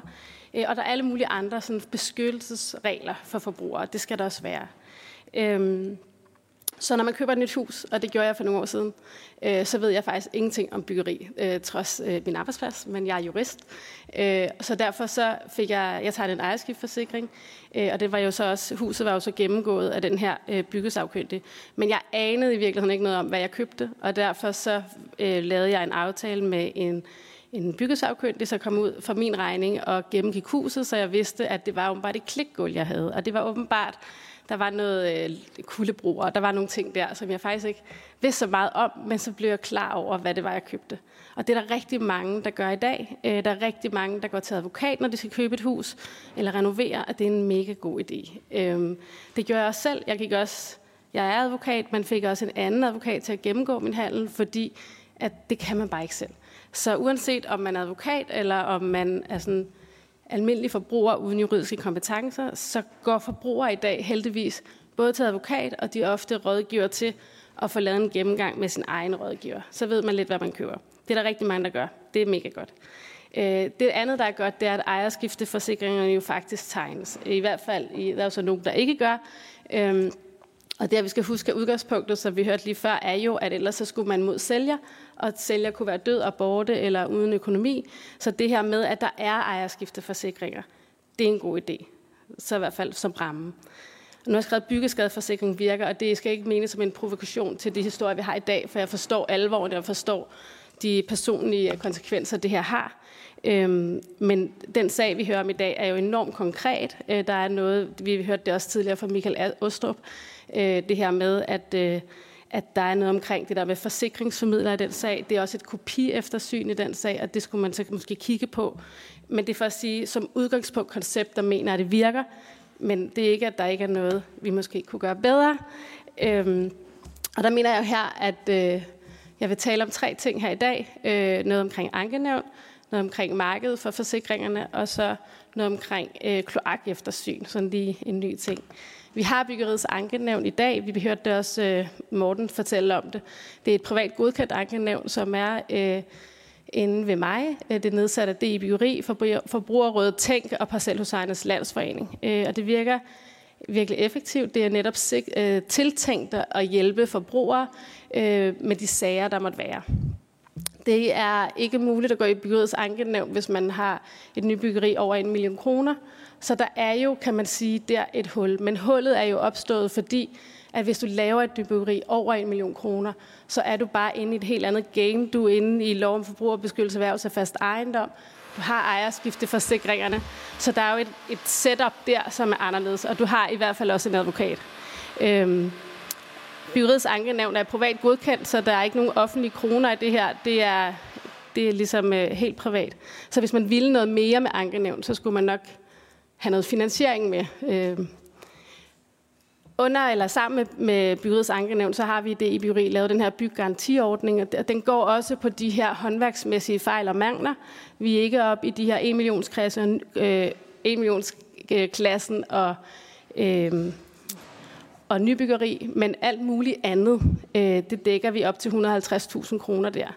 Øh, det, der kræver for at få dækning der i byggaranti, det er, at øh, medlem, der har lavet det, er servicemedlem af det i byggeri, og så kræver det, at man har fået medhold øh, et relevant sted, byggeriets ankenævn, domstolene, øh, hvor der sidder juridiske dommer, landsdommer og byretsdommer for bordenden. Så det er for at sige, hvis man vil noget med ankenævn, og den vej, at nu har jeg taget det med, fordi jeg har set det i den presser, der har foregået, altså, men det er her jo, og man kan gøre noget ved det, hvis det var det, man ville byggeskadeforsikringer, de, når jeg siger i starten, at det virker, så mener jeg det, fordi det virker til det, det var, man ville med det. Øh, det er en øh, ordning fra 2008, øh, der er et lovbestemt dækningsomfang, og vi fik den, fordi der var en hel del sager omkring skimmelsvamp på det tidspunkt. Og det var det, man lavede den til. Øhm, det, som har ramt den konkrete sag i dag, som, som jeg jo egentlig ellers ikke vil gå for meget ind om, det er, at der er i den her ordning kopi eftersyn, og det kunne jeg se også var klikket af på den slide, øh, Karina viste tidligere. Altså, det er muligt, at øh, i stedet for, at man går ud og kigger og gennemgår den enkelte bygning, så kan man bruge de her kopi eftersyn. Og det har jo den her konsekvens, at man kan have en fuldstændig ren øh, eftersynsrapport, og så var den, skulle den jo ikke have været ren, hvis det havde været. Og det kunne man jo så kigge på, hvis man ville. Det der også er med byggeskadeforsikring, er jo, at der er ret få udbydere af forsikring. Jeg tror kun, det er et par stykker. Øh, så det er åbenbart svært med markedet her, og det kunne man jo så overveje at kigge på, om der er noget der. Ejerskifteforsikring, den er jo tænkt til netop øh, beskyttelse af forbrugere ved køb og salg af bolig. Øh, det, der er med den, det har jeg i hvert fald tænkt som berigtigende advokat, det, der er med den, at Sælger skal betale øh, mindst halvdelen af den ejerskiftforsikring, som han selv fremlægger med. Og den ejerskiftforsikringstilbud, der så bliver fremlagt i handen, er jo den billigste. Fordi det er jo den, altså de facto i hvert fald, det vil ofte være den billigste, fordi han skal jo betale halvdelen. Og det kunne man jo godt vælge at lave om, så, øh, så vi øh, fik øh, så det måske var lidt mere lige, at, at køberen kunne vælge øh, den, som han, nu, han hun nu måtte synes var den rigtige, og så skulle sælger betale halvdelen af den præmie. Tilstandsrapporten og elinstallationsrapporter virker. Øhm, øh, som Bjørn har fortalt, så er det øh, altså et, et virkelig udbredt og godt og, øh, værktøj. Øh, noget af det, vi måske godt kunne tænke os, det var, at man også kiggede lidt under jorden. Øh, vi har alle de her nye vandmasser og klima og alt det her. Og i virkeligheden, når man køber et hus, så får man jo faktisk ikke nogen indikation af, hvordan ser kloakken egentlig ud. Og, og det er jo super relevant, øhm, at vi får kigget taget det med. Så det, det tænker vi, at vil være helt nærliggende, særligt den tid, vi er i. Det, der er med ejerskifteforsikringen, som jo også er med byggeskadeforsikringen, det er jo at igen, at der er ikke så mange udbydere. Så ligesom Bjørn sagde, lad os da kigge på det, øh, finde ud af, hvad det er. Det øh, var min tid. Tak. Ja, tusind tak. Jeg undskylder forstyrrelsen, men øh, vi er jo, det er jo et gammelt hus, det her, som trænger til renovering. Jeg tror umiddelbart, der er ved at blive lagt op til, øh, til stilaset, øh, så må ikke øh, han har brugt de huller, der skal bores. Det, øh, det håber jeg på. Jeg skal lige høre, inden vi går til pause, om der i forhold til, til politikerpanelet er noget øh, spørgsmål og kommentarer. Sigurd? Ja, og, og tak for, øh, for oplæggene, og jeg er, jo, jeg er jo helt enig i, at øh, Øh, vi breder os bredt i dag, og vi skal prøve at få det delt ind i nogle kasser, hvor vi reelt kan få, få ændret noget på nogle af de forhold, der er. Jeg har bare behov for øh, helt kort at sige, at øh, det er jo rigtigt, Bjørn, som jeg hører dig, at øh, det er jo ikke mange sager på et marked, som grundlæggende fungerer, men når det alligevel optager os en del øh, i SF og også i boligudvalget, så er det jo fordi, det er sager med ret store konsekvenser, når det sker. Og når vi har sager med store konsekvenser, så er det jo afgørende, at der ikke sker fejl. Øh, så selvom man godt kan sige, at det ikke er et kæmpe antal af det samlede boligmasse, så synes jeg, at det er meget relevant at få kigget på, hvordan får vi elimineret de fejl, fordi de har så store konsekvenser. Det var øh, kommentaren. Så vil jeg bare kort spørge til det med, øh, øh, med forsikringerne og de meget få udbydere af forsikringer. Og, øh, og det her skal ikke tages øh, for hårdt. Det er et øh, provokerende spørgsmål, men det er, det er bare ment som et spørgsmål. Er det fordi, man øh, på forsikringssiden ikke har ordentlig tillid til, øh, tilstandsrapporterne, at man ikke tør basere en forsikring på det? Eller hvordan ser I på det, Bjørn? Hvad, hvad er årsagen, hvis du skulle komme med et, med et bud? Og måske også Louise. Ja. Tak. Thomas? Det er, ja, tak for jeres oplæg. Øh, jeg har noteret en hel del, også øh, hvad du har sagt, Carsten, og det er jeg også enig i langt hen ad vejen. Det er også noget, vi skal, vi skal have adresseret. Øhm, det jeg fangede lidt, Bjørn, det var dengang, du sagde det her med, at det var betænkende, at øh, der var mange købere, der ikke tegnede en, øh, hvad hedder det, en ejerskifteforsikring. Det gør jo nok, at som jeg tænker det, så er ejerskifteforsikringen og tilstandsrapporten to, to ting, der er bundet sammen. Fordi du vil ikke have nogen ejerskifteforsikring, hvis du ikke havde en tilstandsrapport, fordi så havde du ikke noget at binde din risiko op på som, ejer, som forsikringsselskab. Derfor synes jeg også, at vi bliver nødt til at se dem som en enhed. Jeg ved godt, du prøver at splitte dem en lille smule ad. Men derfor er det også for uroligende for mig, når en større procentdel af købere begynder ikke at tilvælge den. I et stort køb, som et, et hus er, er det ikke den store ris eller det store beløb at købe. Det viser for mig, at der også er en lille svigtende tillid til det produkt, man køber. Og det er nok der, hvor jeg er mest bekymret ind i det her, fordi det er sådan set ikke for alle dem, der kører det. Men jeg kender også rigtig mange, som har en forsikring, som stoler på tilstandsrapporten. Og det er jo rigtig godt, de er gode. Øh, rigtig mange, øh, jeg kender, og jeg kender rigtig mange inden for byggeri og sådan noget. Men, men det er jo også, fordi de ikke har brug for ejerskifteforsikring, fordi det kører, fordi tilstandsrapporten kan man stole på generelt. Men der er så bare det, når det går galt. Så kender jeg en ud af rigtig mange, som har kørt sag, sager mod ejerskift, eller hvad hedder det, prøvet at indgive noget til en ejerskifteforsikring, som har fået erstatning. Jeg kender rigtig, jeg tror sådan helt personligt, øh, så kender jeg 10, og jeg tror faktisk, de ni af dem har fået afslag Derfor er der jo et stort problem i, i hvert fald, hvad man tilbyder og hvad man fortæller, man kan få dækket. Fordi oftest så det, man gør, for dækket og søger en forsikring for, det er jo i yderste konsekvens. Det er jo ikke, hvis der er en øh, lille sokkelravne eller et eller andet andet. Det er jo, når det går helt galt. Og den tillid til den forsikring, øh, i de tal og det, du fortæller, synes jeg virker som om, den er, den er dalende. Og øh, det er da i hvert fald et problem, vi bliver nødt til at adressere, synes jeg. Tak. Det var primært til dig, Bjørn.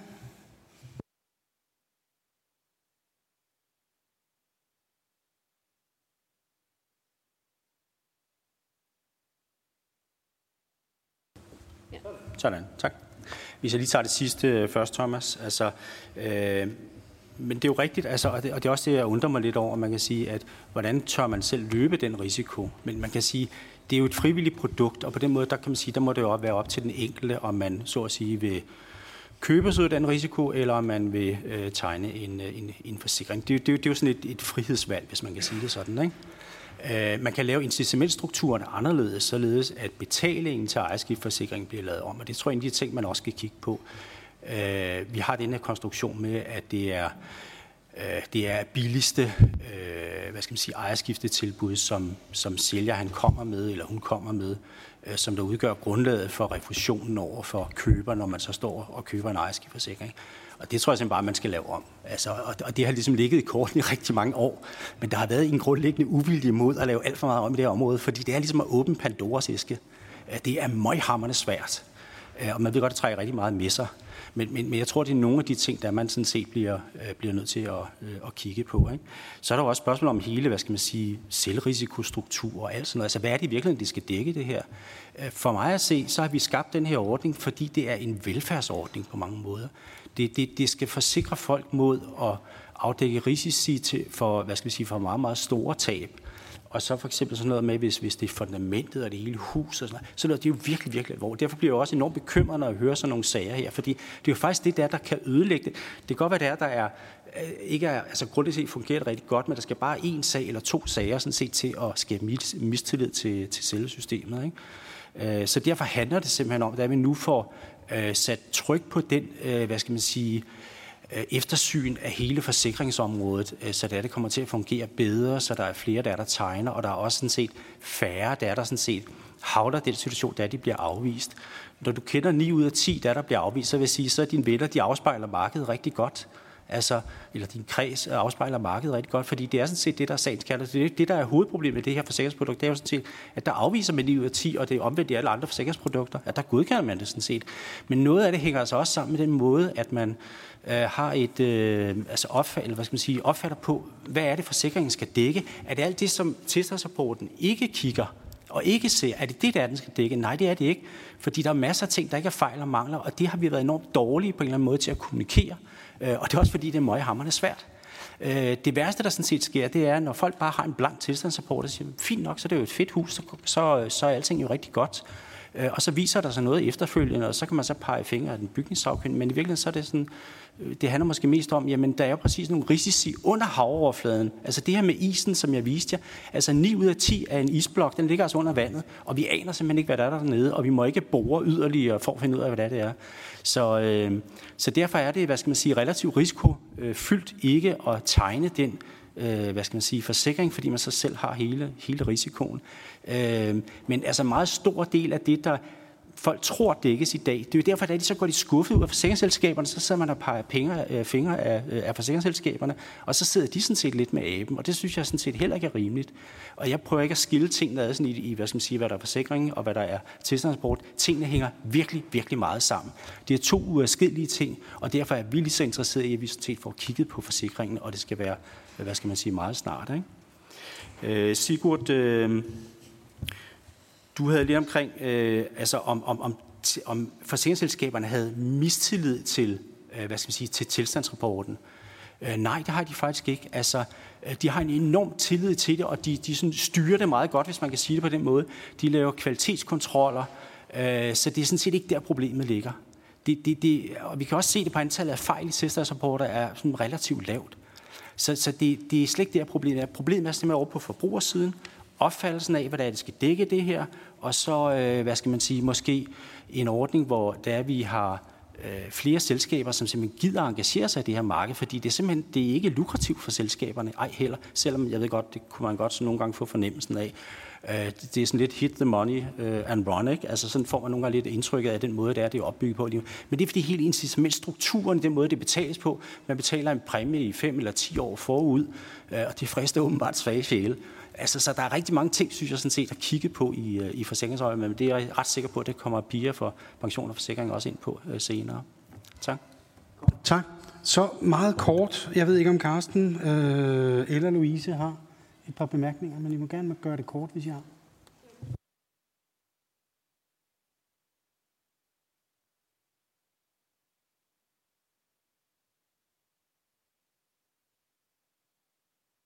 Ej, se nu der. Nu virker det. Øhm, ja, men jeg er meget enig med Bjørn i forhold til med forventningsafstemning. Altså på en eller anden måde at vi i Danmark ikke helt lykkes med at fortælle forbrugerne, når de køber, hvad er det, der kan dækkes, og hvad kan ikke. Øh, altså, der er helt klart noget forventningsafstemning her, som vi måske alle sammen skal blive øh, bedre til at, at tage fat i. Øhm, og så tænker jeg i forhold til det her med antallet, og jeg ved ikke ret meget om forsikringer, men der, der er noget her, hvor jeg må sige, at, at dækningsomfanget på de fem år ejerskiftforsikring er jo, er jo et øh, lovbestemt dækningsomfang. Så på en eller anden måde, og jeg, ja, det kan I jo svare meget bedre på, men på en eller anden måde, så kan man måske ikke lave forretning på det, det ved jeg ikke, men, men der er, vi skal bare huske, at det er et lovpligtigt dækningsomfang, og det kan man så udvide til 10 år, hvis man ønsker det. Øh, men altså forventningsafstemning, det tror jeg er virkelig kernen her. Tak. Nej, vi øh, giver ordet til Karsten, og så øh, holder vi en pause bagefter. Ja, tak. Øh, jamen, jeg, vil, jeg, jeg kan sagtens se, at der bør gøres mere omkring det her forsikring eller garantistillelse. Altså, jeg synes, øh, man kan få øh, syv år på karosseriet, karosseriet på en bil, men øh, kernen af, af et byggeri, som man låner penge til i 30 år, det, øh, det kan man få 10 år til. Altså, jeg synes ikke, det er rimeligt. Og jeg synes ikke, det er rimeligt, hvis for eksempel der opstår nogle af de her ting, som er sket enten under en renovering med en tilbygning, eller hvis det er sket under øh, opførelsen af huset, at der for eksempel er skimmelsvamp. Vi burde kunne bygge i dag, uden at der er skimmelsvamp i byggerierne. Hvem der er ansvarlig for det, og hvem der skal betale for det, altså det, det, burde, det burde være en sag mellem den, der leverer byggeriet, og vedkommendes forsikringsselskab. Jeg ved ikke, om, om, om det er rimeligt, at køber, der bygger et nyt hus, også skal købe sig en forsikring, når man får leveret et produkt, som ikke står helt rent.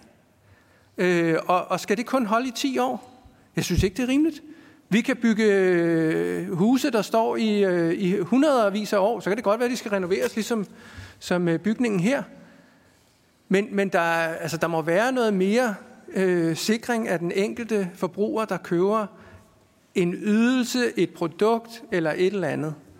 Og derfor så, så synes jeg, man skal, man, man skal kigge lidt mere på, på de ting, der er der, og så, øh, så må virksomhederne finde ud af, om, om der skal være en form for øh, øh, forsikringsordning, som, som man kan bruge i forbindelse med det. Ja, tak. Ja, tak. Der er i hvert fald nogle boligejere, der er ved at brænde inde. Øh, jeg kan se, at der er en, der har markeret i salen.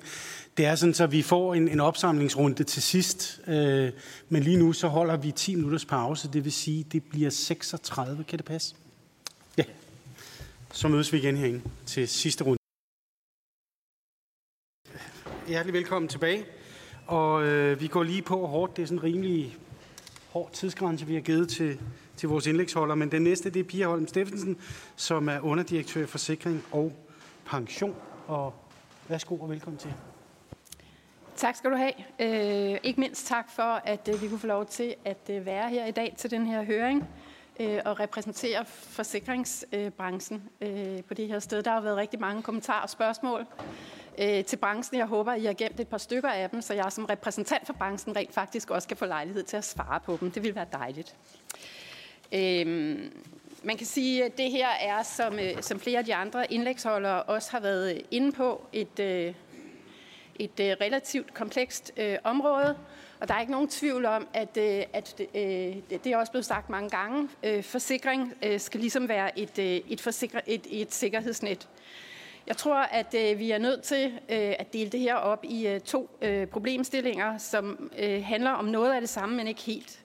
Vi har øh, byggeskadeforsikringen og ejerskifteforsikringen. Det er to meget forskellige produkter. To i øvrigt meget komplekse produkter hver for sig med to helt forskellige øh, problemstillinger, de forsøger at løse, øh, som, øh, som, som angriber, kan man sige, på den ene side øh, nybyggeriet, og på den anden side øh, øh, hvad hedder det, livet i et øh, byggeri efter, efter byggeriet og i boligens levetid. Øh, man kan også sige, at der er meget forskellige maskestørrelse på, øh, på det sikkerhedsnet, der bliver spændt ud, afhængigt af, om vi taler byggeskadeforsikring eller vi taler ejerskifteforsikring. Og det er jo sådan, lovgiver har valgt det. Øh, det er også blevet sagt tidligere. Det, der er rigtig vigtigt for os, når vi taler om byggeskadeforsikring, det er, at man på et eller andet plan bevarer et incitament til, at vi skal bygge bedre. Vi tror ikke som branche på, at, øh, at vi skal forsikre os fra alle skader. Vi tror simpelthen, at, øh, at kernen i det her, det er at skabe nogle, øh, noget bedre byggeri. Øh, det tror vi, vi alle sammen vinder på. Det bliver ikke bedre af, at der skal laves ordninger, hvor forsikringsselskaberne i højere grad skal ind og tage en risiko. Det bliver det højst dyre af. Det bliver stadigvæk ikke et bedre byggeri. Kigger man på øh, området omkring ejerskifteforsikring, så er det øh, sådan set det, vi øh, primært har valgt at fokusere på, fordi vi har et, et helt konkret forslag til, hvad man kunne gøre anderledes. Vi har for øh, tidligere i år været ude og præsentere et oplæg til en ny ejerskifteforsikring. Der er mange udfordringer øh, med den her ordning. Øh, det vil jeg slet ikke negligere. Vi har hørt nogle af dem i dag. Og man kan sige, at der har været massiv kritik øh, i forhold til både tilstandsrapporterne og ejerskifteforsikringen, stort set siden den her ordning den blev vedtaget og trådte i kraft 1. januar 1995. Den øh, anvendes, som det også er blevet sagt tidligere, i langt hovedparten af alle hushandler, altså den her huseftersynsordning, ejerskifteforsikringen i noget mindre grad end tilstandsrapporterne. Det kan der være nogle naturlige forklaringer på, og det er ikke nødvendigvis et, et problem. Det er vigtigt at sige, men det kan vi måske vende tilbage til.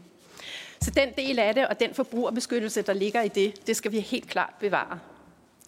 Hvorfor er det så, at vi går ind og siger, at der er brug for noget andet? Jamen det her, det er en øh, en måneds øh, artikler klippet øh, fra dagspressen. Der er massiv kritik omkring ejerskifteforsikringer for rigtig, rigtig mange forbrugere, der oplever, at de ikke får det, de troede, de fik, når de tegnede en ejerskifteforsikring.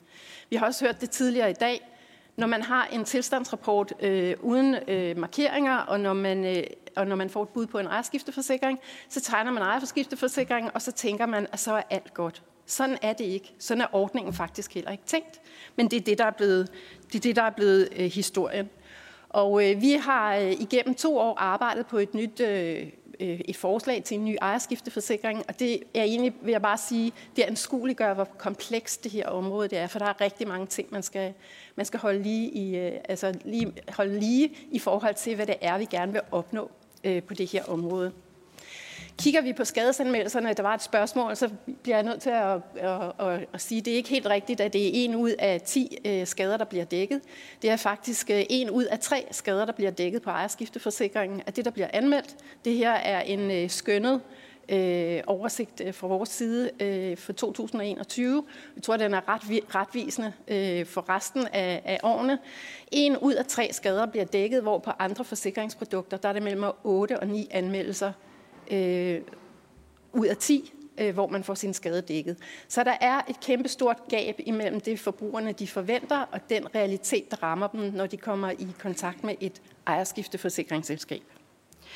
Det øh, har givet masser af kritik, øh, rigtig dårlige kundeoplevelser, og det er en del af hovedforklaringen på, hvorfor der i dag ikke længere er de 30 forsikringsselskaber, som tegner ejerskifteforsikringer, som der var i 1995 øh, men kun er seks selskaber tilbage, afhængigt af, hvilken dag vi gør det op. Øh, vi tror på, at, øh, at der er behov for forandring på det her område. Vi kan ikke køre videre med den ejerskifteforsikring, vi har i dag. Øh, og så kan man sige, jamen, øh, hvorfor ændrer I den så ikke bare? Jamen, det gør vi jo ikke, fordi at det er lov, øh, det, det er hvad hedder det, en bekendtgørelse, der stadfæster, hvordan skal dækningen egentlig være øh, på det her område. Og der har vi simpelthen brug for, at blandt andet I øh, går ind og, øh, og arbejder for, at øh, vi får noget andet. Fordi det kan godt være, at forbrugerbeskyttelsen er bedre end det, vi havde før 95, men vi er ikke i mål endnu. Vi har lavet et forslag til en øh, ny ejerskifteforsikring, og det der er, jeg kunne tale meget, og jeg kunne tale længe, men jeg har kun fået syv minutter, og vi er allerede presset på tid. Så det vil, jeg, det vil jeg undlade, og i stedet for bare at sige, at det, der er hovedessensen i vores forslag, det er, at man gør det meget klart for forbrugerne, hvad er dækket og hvad er ikke dækket. I dag har vi en, øh, en ordning, som er øh, elastik i metermål. Det er meget skønsbaseret, vurderingsbaseret. Øh, der er ikke nogen klare kriterier for, hvad er det, der er dækket. Det skal man egentlig først opdage, når man har en skade, og man anmelder den til forsikringsselskabet. Det er ikke nogen let sag, hverken for forbrugeren, men i øvrigt heller ikke for forsikringsselskabet. Og vi risikerer, at, øh, at vi øh, om et øjeblik kommer til at, at se et marked, der er endnu mindre, og få endnu flere sager i ankenævnet. Jeg synes, 200 sager i ankenævnet, det er nok muligt, at det er meget få i forhold til det totale antal, antal brug af, af hvad hedder det, huseftersynsordningen, men det, det er 200 sager for meget. Og det er ikke fordi, vi tror på, at vi på noget tidspunkt kommer ned, ned på nul, men der er en, et kæmpe stort gab mellem det, forbrugerne forventer, og det, som er realiteten i forsikringsdækningen. Det kan vi gøre bedre. Så en ny basisforsikring, som er meget mere tydelig og klar, som øh, beskriver, hvad der er dækket øh, og hvad der ikke øh, er dækket. Og så nogle udvidelsesmuligheder, så vi får en forsikringsbranche, som opper sig og udvikler nogle dækningsløsninger, som er målrettet de typer af kunder, som de rigtig gerne vil tiltrække. I dag har vi udelukkende fokus på pris, det er også blevet sagt tidligere. Det skaber man ikke de rigtige motivationer for, heller ikke for forsikringsselskaberne. Øh, så det her med, at man som forsikringsselskab kan tilbyde nogle udvidelsesmuligheder, hvor man får lov til at lege lidt selv i forhold til, hvad er det, vi ser, vores kunder har brug for, hvordan kunne vi lave sådan nogle tilvalg. Det tror vi på er vejen frem. Øh, og så vil man også i højere grad som forbruger have et incitament til at sætte sig lidt ind i selve ordningen, i hvad forsikringen den dækker, og hvad det er for nogle behov, øh, man har. Så vi skal have konkurrencen tilbage i markedet, og det gør vi blandt andet ved at, øh, at skabe et mere gennemsigtigt øh, forsikringsprodukt med nogle klare til- og, øh, og fravalg.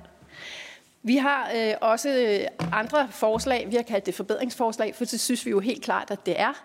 Øh, og noget af det handler om, at øh, vi, gør, øh, vi gør tilstandsrapporten øh, bedre, at vi bruger nogle af de øh, muligheder, vi, teknologiske muligheder, vi har i dag, ved at tilknytte øh, billeder og videoer, så man i højere grad som forbruger, når man læser en tilstandsrapport, kan blive ført igennem, når der står det her i tilstandsrapporten kan jeg så regne med, det her er en kontor, tror jeg, at det er vigtigt for mig eller ej. Det er enormt vigtigt, at man som forbruger sætter sig ned og læser rapporten. Det er der stort set ingen, der gør i dag. Et minut. Vi har, øh, vi har øh, det helt centrale i vores, øh, vores anbefaling, det er også, at vi kobler noget køberrådgivning på. Køberne skal vide, hvad det er for et hus, de står for at byde på. Oprindeligt var det jo tanken, at øh, det her var en treenighed, øh, kan man sige. En tilstandsrapport, som man læste, satte sig ind i, hvad er huset, ejerskifteforsikringen, som, som vurderede, hvad skal det koste at bo i det, hvad, hvad er omkostningen ved at købe det, øh, og ud fra det skal man beslutte, passer den ejendom til den brug, jeg vil gøre af huset, og vil jeg købe det, og til hvilken pris. Vores anbefalinger til boligudvalget falder i tre, og hvis vi skal sige byggeskadeforsikringen, den tager vi med, så lad os kalde det fire. Modernisere huseftersynsordningen, så alt, hvad der lægger op til elastikbegreber og fortolkninger, det fjernes.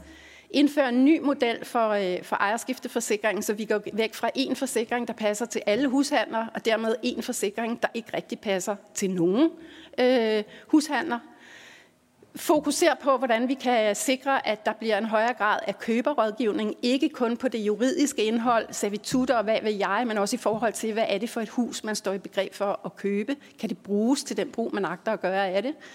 Og hvis vi skal samle op på byggeskadeforsikringen, hvis der skal kigges på den, så, øh, så vil vi meget gerne være med til at kigge på den. Men det er rigtig vigtigt, at vi bevarer incitamentet til, at vi bygger bedre. Det skal være det, skal være det der er hovedpointen øh, og ikke at vi plastrer alt til med forsikringer. Det bliver for dyrt, og ikke nødvendigvis det rigtige. Tak. Tak for det. Den næste, vi har på programmet, det er Nils Halter Bertelsen, som er seniorforsker ved Institut for Byggeri, By og Miljø fra AAU Build.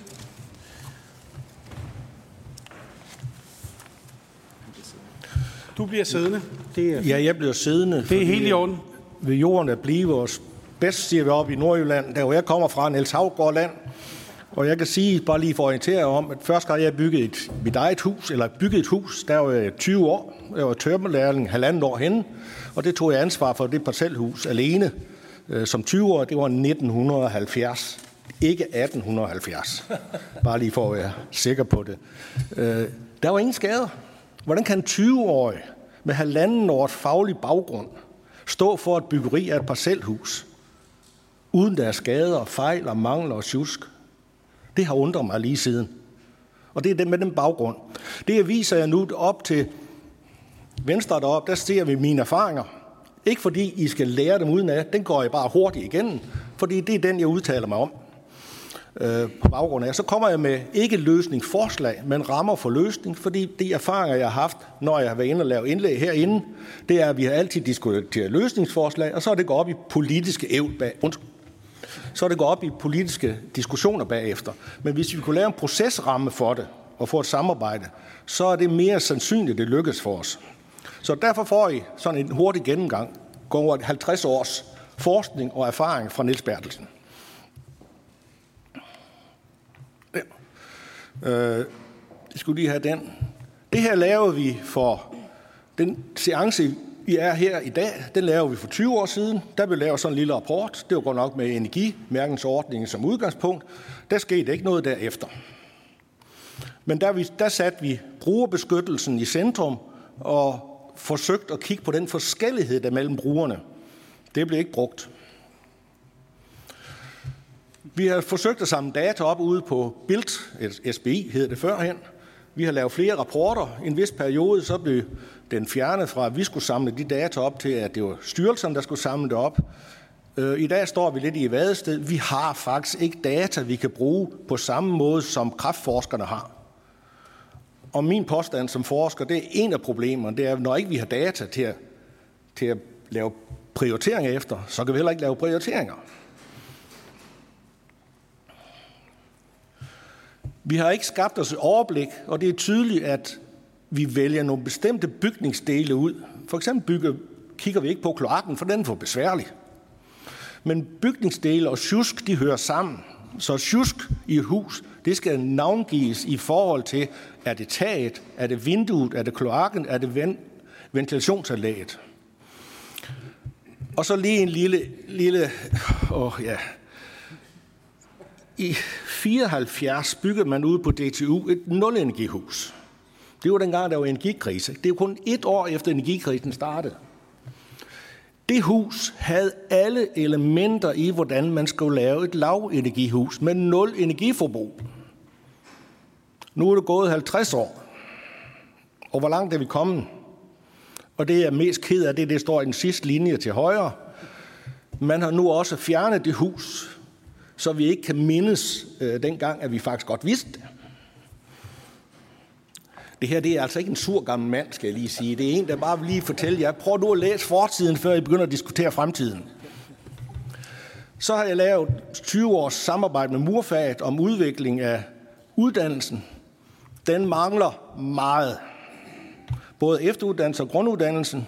Nogen siger, at det ikke kan lade sig gøre. Det passer ikke. Vi har gennemført det med moderne digitale værktøjer og det hele. Der ligger en opskrift der. Bare der er nogen, der gider bruge den. Den er indført på murfaget på øh, 80 procent af skolerne, men den er ikke overført til de andre fag.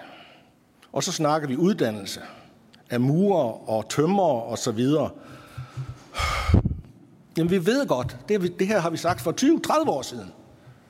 Og hvis vi skal have en bedre kvalitet i byggeriet og mindre byggesjusk, så starter det der.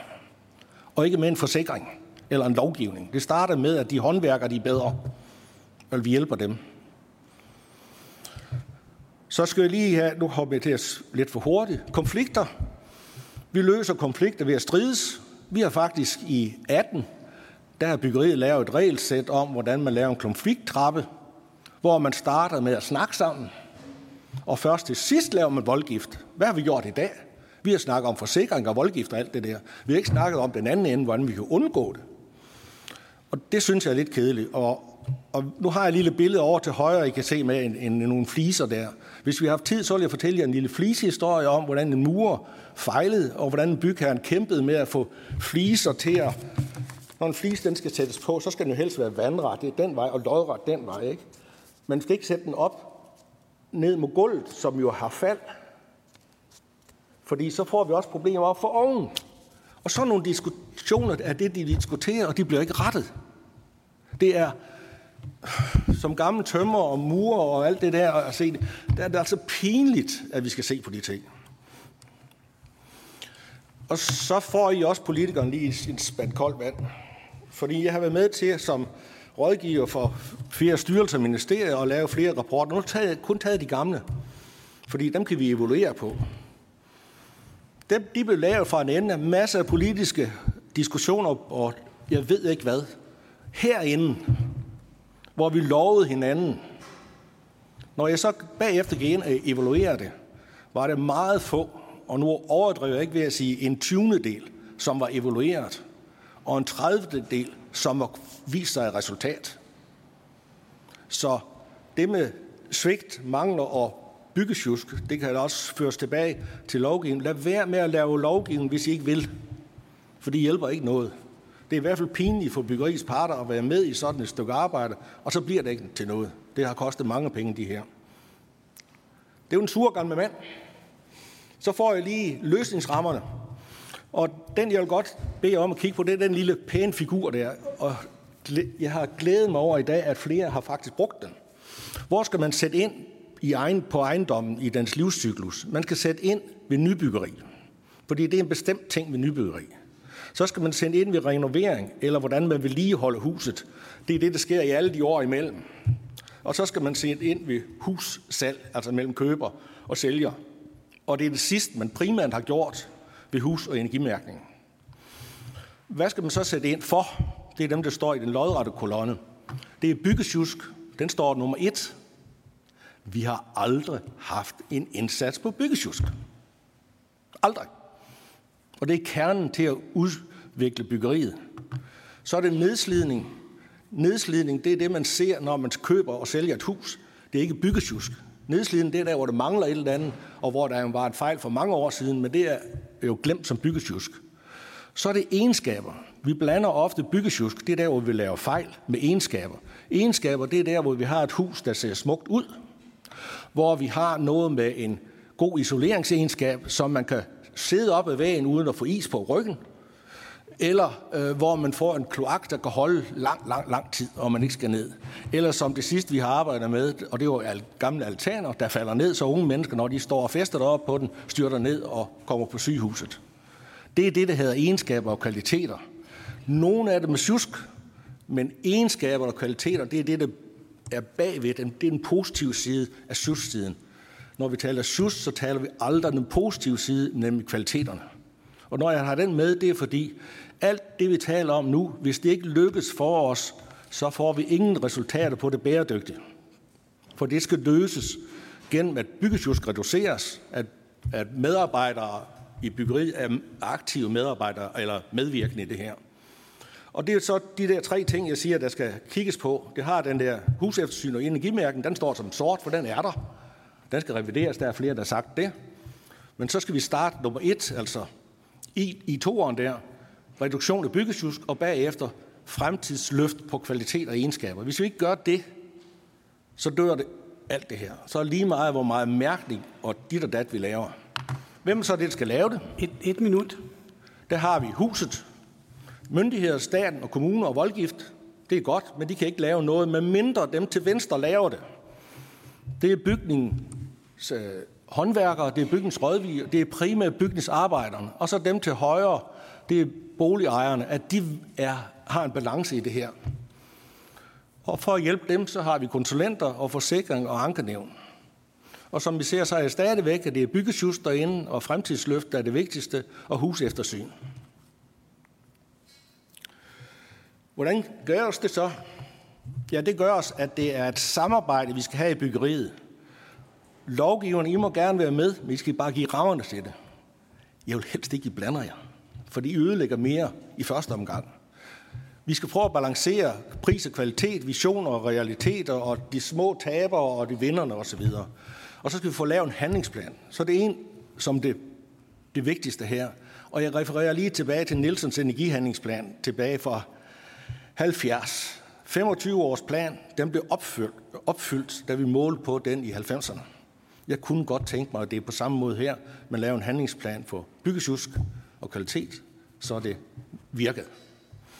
Og så kommer de andre punkter ned, og jeg vil bare slutte med det at sige tak for opmærksomheden. Held og lykke med det videre arbejde i boligudvalget. Og så ses vi i 25 og i 30, hvor vi kan se på det resultat, I nåede. Tak. Ja, tak. Det var jo en invitation. Den, øh, den handske skal vi nok tage op. Tak for indlægget. Den næste og den sidste, vi har, øh, er øh, Ole Hvid Jacobsen, som er fagekspert i Bolius og selvstændig byggesagkyndig. Og du bliver også siddende, Ole, eller hvad? Det er super.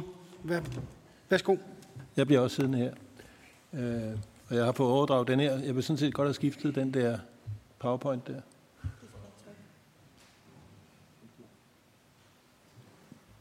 Sætter du den på? Ja, det gør du. Bare tryk, bare tryk videre. Nå, der kom den mig. Tak. Nå, men øh, hvis jeg så lige kan få den til at skifte der, det kan jeg så ikke. Den øverste skifter der bare rundt. Jamen, der kører jeg baglæns til. Ja. Godt. Jeg kan ikke køre baglæns af en eller anden mærkelig grund her. Jo, der kom den. Øhm, der mangler en forside. Der var den. Jamen tak, fordi jeg må deltage her. Øh, beklager, at jeg kom lidt senere. Øh, men øh, jeg øh, kommer fra videnscenteret Bolius, øh, og vi formidler viden om boligen til alle danskere. Øh, og læg mærke til det der med formidler. Det er en ret væsentlig ting. Øh, her står en hel masse om, hvor mange besøg og sådan noget. Det er nok ikke så interessant lige nu. Øh, jeg er fagekspert, som, som det er sagt, i videnscenteret Polius, og selvstændig byggesagkyndig, ligesom Morten Mathiasen ved siden af. Jeg er uddannet arkitekt.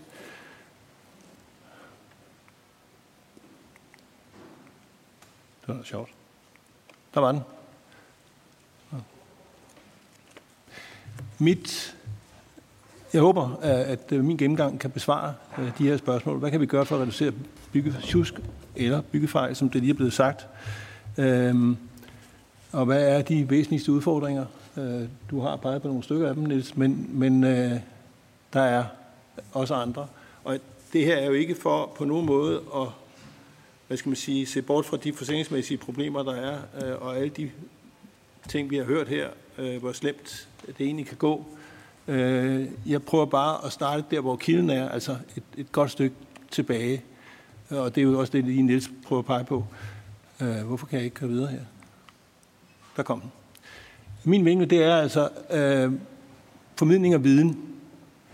Og hvor kommer viden fra? Den kommer jo blandt andet fra øh, byggeær, fra bygningsreglementet, SB, BILD hedder det så nu, øh, og øh, Arbejdstilsynets vejledninger, Sikkerhedsstyrelsen. Og det kommer også fra en masse materialleverandører. Og, og, og det var da utroligt.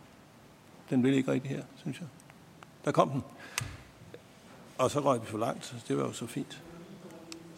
Der var den. Øh, og hvad skyldes de så? Øh, ja, de skyldes øh, selvfølgelig øh, mange forskellige ting, øh, så, og vi har hørt en del af forklaringerne her i dag, så det behøver jeg ikke gå ind på. Og det næste er, er det tjusk? Helt sikkert, der er noget af det, der er tjusk. Men jeg mener i virkeligheden, den væsentligste øh, årsag til fejl Øh, er, at det er mangel på viden blandt håndværkere. Nu blev lige sagt, at murfaget har en øh, rigtig god uddannelse, som man så åbenbart ikke helt bruger øh, til med. Men der er ingen tvivl om, at der er en mangel på viden, og, og den er, hvis den er sådan, så er den heller ikke helt opdateret. Øh, så, og så er der jo inde i det, at øh, vi kan jo prøve at håbe på, at øh, de her unge mennesker, der har været nede og deltaget i EM i Skills, som fik både bronze og sølv, at de øh, ligesom i fremtiden sørge for at opdatere deres viden. Øh, her er der i hvert fald noget godt, fordi det peger jo lidt fremad. Øh, og så har jeg igen et problem. Der kom den. Øh, jeg er jo som nævnt byggesafkyndig, og, og jeg oplever jo, fordi jeg altid kun bliver tilkaldt, når tingene går galt, øh, oplever jeg en rigtig masse dårligt byggeri, fejl og mangler, alt muligt. Og det vil sige, at jeg får jo et, et, en fornemmelse af, at det hele er helvede til.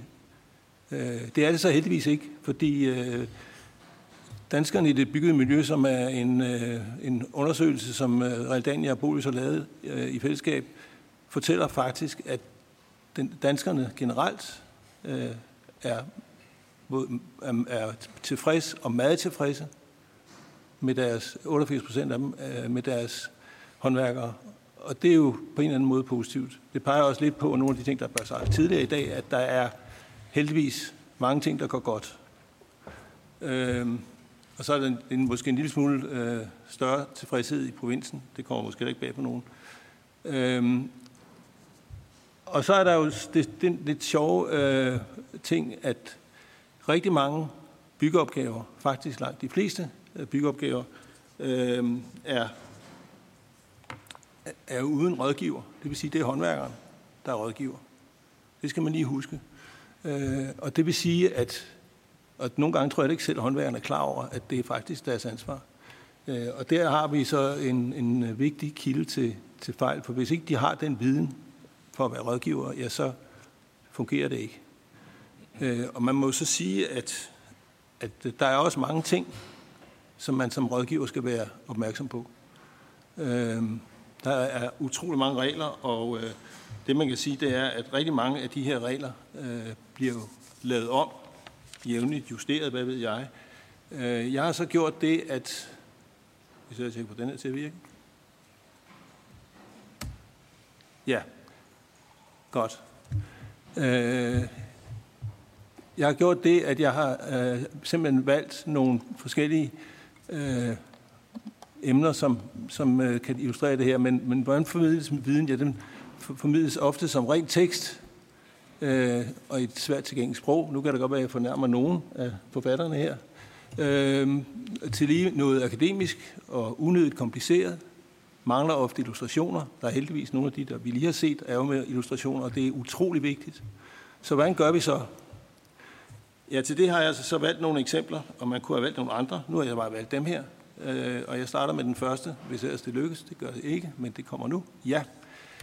Reglerne for asbestsanering Øh, det er en AT-vejledning, der kom her i sommer, og øh, den består af 10 afsnit tæt beskrevet, og øh, ikke nogen illustrationer eller noget andet. Øh, og pointen er altså, at når man skal skifte et tag med asbest, øh, i snit øh, med, med asbest i, så skal man altså følge den vejledning, øh, og det er rimelig kompliceret at gøre det. Og hvis man ikke gør det, så kommer arbejdstilsynet med et påbud eller en bøde efterfølgende. Så det er det er helt afgørende, at man, man følger sådan en. Øh, så det er den. Jeg har en til. Jeg tror, du må hjælpe dernede. Jeg ved ikke, hvorfor det ikke virker det her. Øh, så har vi SBI-anvisning 276, som er en fornyelse af den, der hedder 252. Men nu har man altså opdelt den fagvis. Det er virkelig en rigtig, rigtig fin måde at illustrere tingene på, og håndværkere kan nemt gå ind og se der.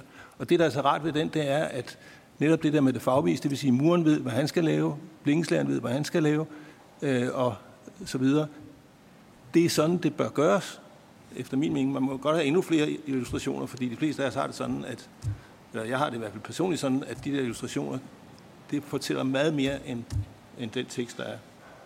Så lige den sidste, ja, så har vi, det er også en af de der lidt specielle, øh, BR18, øh, bygningsreglementet jo, der er jo en vejledning til det. Den består af 800 sider tæt beskrevet. Og jeg vil våge at påstå, at øh, hvis jeg hørte Morten Mathiasen i den, så er jeg ikke sikker på, at han kunne svare på ret meget af det. Og det, det er den ene af dem. Der er en til på 1000 sider, som er øh, om brand. Også en vejledning. Det er meget omfattende materiale. Hvordan løser vi de her udfordringer? Et minut. Ja, jeg er også ved at være færdig. Øhm, ja, der skal tage svært alle steder, og det er lidt ligesom at stoppe en supertanker.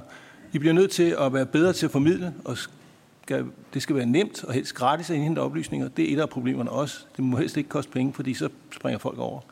Øh, et godt eksempel er altså netop den anvisning, vi har set, og vi skal ved formidling huske at nå ud til alle, både den almindelige øh, borger, håndværkeren, håndværkersvenden, mester, byggesagkyndig og selvfølgelig også til bygherren.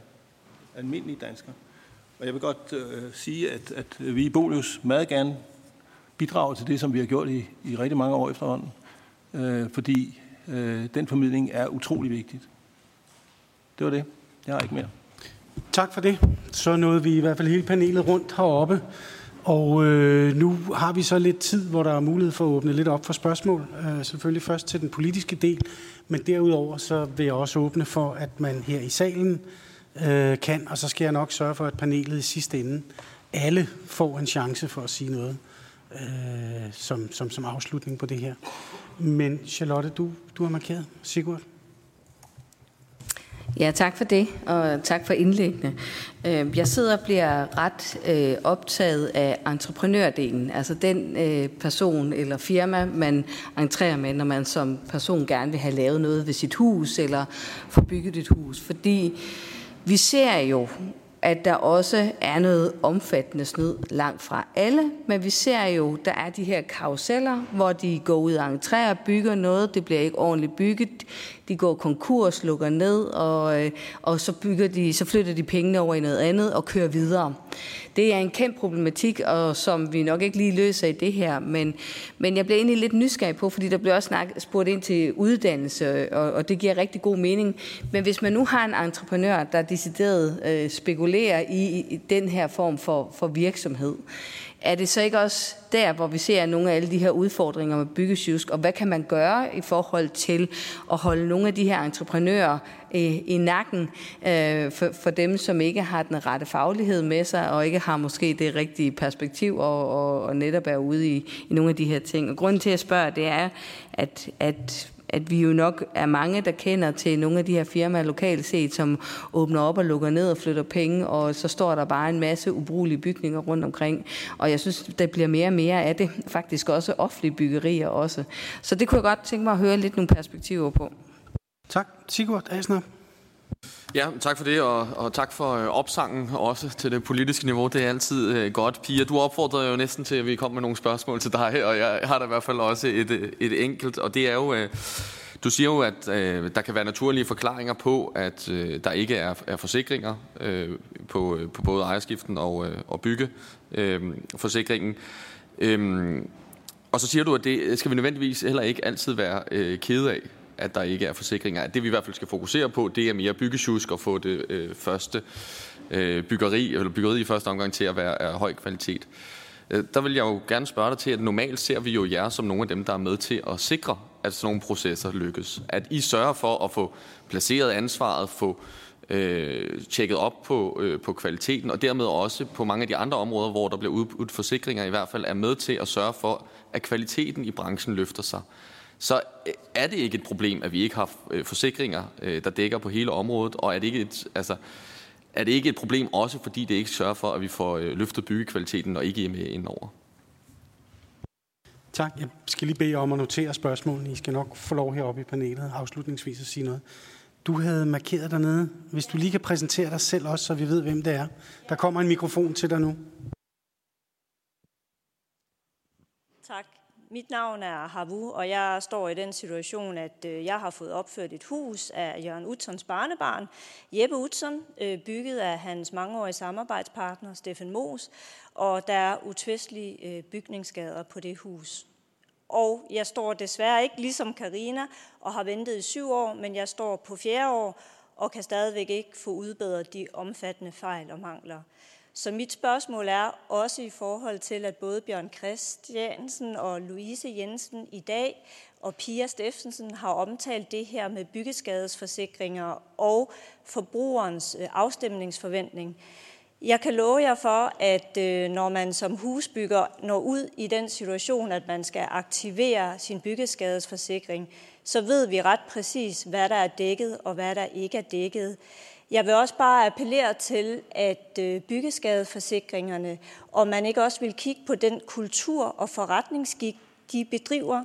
Det er jo sådan, at det er advokater, øh, der varetager de her sager, og øh, det vi erfarer, og det jeg ved flere husejere erfarer, det er jo, at de her advokater trænerer sagerne, og når man anmelder en dækning, så bliver den jo i første omgang notorisk afvist, og det gør den jo af en helt, helt oplagt grund. Så jeg håber også, at øh, forsikringsbranchen vil kigge på, hvad det er for en forretningskultur, og hvad det er for en advokat forretningsetisk skik, der de handler ud fra. Og til spørgsmålet til Charlotte Mølbak omkring det her med entreprenører, der bare går konkurs. I vores sag, der har Byggeskadesforsikring jo træneret udbedring igennem fire år, og det har jo givet Steffen Moos utrolig god tid til at tømme sin virksomhed for penge. Øh, faktisk så havde vi en, en, en dom. Øh, den har han så anket, øh, men øh, han har så skrevet til Østerlandsret, at han ikke har penge til at betale berammelsesafgiften. Så ja, der bliver spekuleret i at lukke sine virksomheder, når man har begået byggesjusk.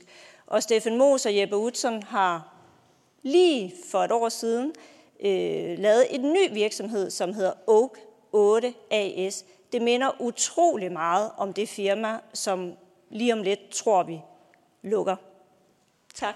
Tak. Jeg, jeg skulle jo egentlig opfordre til lidt, lidt korte spørgsmål, men, men det var jo en beretning fra den virkelige verden, kan man sige. Er der flere herude i salen? Der er lige en enkelt her. Så tror jeg, vi vil gå over til panelet.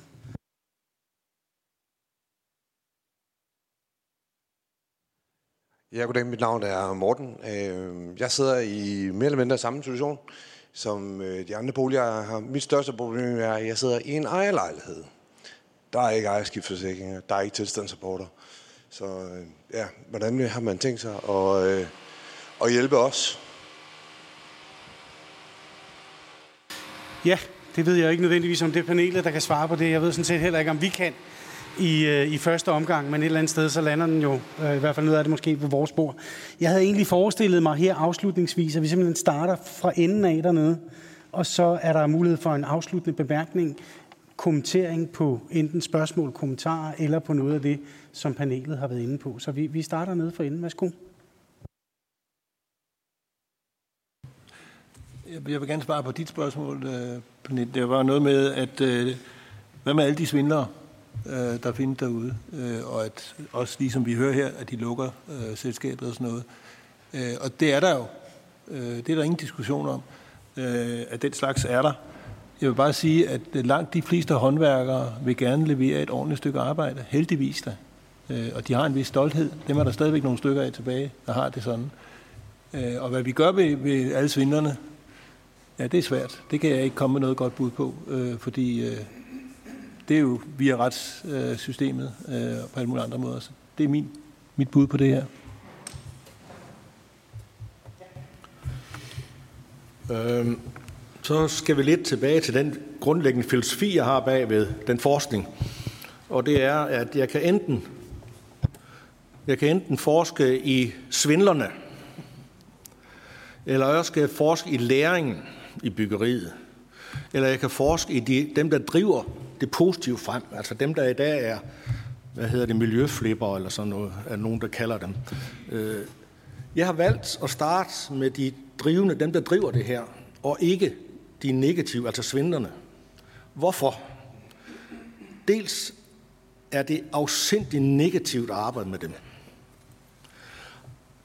Hvis vi starter med svindlerne og fokuserer på dem, så er der kun lovgivning tilbage, så er der kun straf tilbage, og så vokser antallet af dem. Jeg kan kun få antallet ned, hvis vi starter modsat ende, nemlig med at promovere og hjælpe dem, der vil, både de dygtige og dem, der lærer. Kan jeg få den gruppe til at blive større og bedre, så reducerer jeg samtidig svigt, fejl og mangler og antallet af nogen, der spekulerer økonomisk på det. Så det her det er en ren det er en, det er en vindersag. Vi jeg har prøvet den flere gange, og den vinder hver gang. Den eneste problem, jeg har med det, det er, jamen vi skal have en her nu løsning på de svindler. Det kan man ikke. Man kan kun få løsninger, der trækker sig over lang tid. Og det var derfor, jeg lidt med vilje tog de her 50 år. For de 50 år har vi sagt det samme, vi skal have her nu løsninger. Men vi har aldrig fundet her nu løsninger, fordi vi aldrig har taget fat i råden. Nemlig, vi skal starte med kvaliteten og uddannelsen hos folk, og det bliver bedre. Og så skal vi fremme dem, der vil det. Og dermed har vi en stærk gruppe inden for det faglige, som kan være med til konkurrencemæssigt og smide de dårlige ud. Og når vi har gjort det, så kan vi reducere markedets, markedsproblemerne lynhurtigt. Jeg har et eksempel, det går nok ved at være 30 år siden. Der var det et byggeområde, hvor vi gjorde det på, og det tog kun et år, så var de svindlere væk. Men det er den angrebsvinkel. Start med de kvaliteten, start med at reducere fejl og mangler, gør det bedre, så gør antallet af, af dårligdomme, så falder det samtidig. Tak. Så er det Pia. Værsgo. Tak for det. Jamen, der var der heldigvis en del spørgsmål, jeg kunne få lov til at svare på. Tak for det.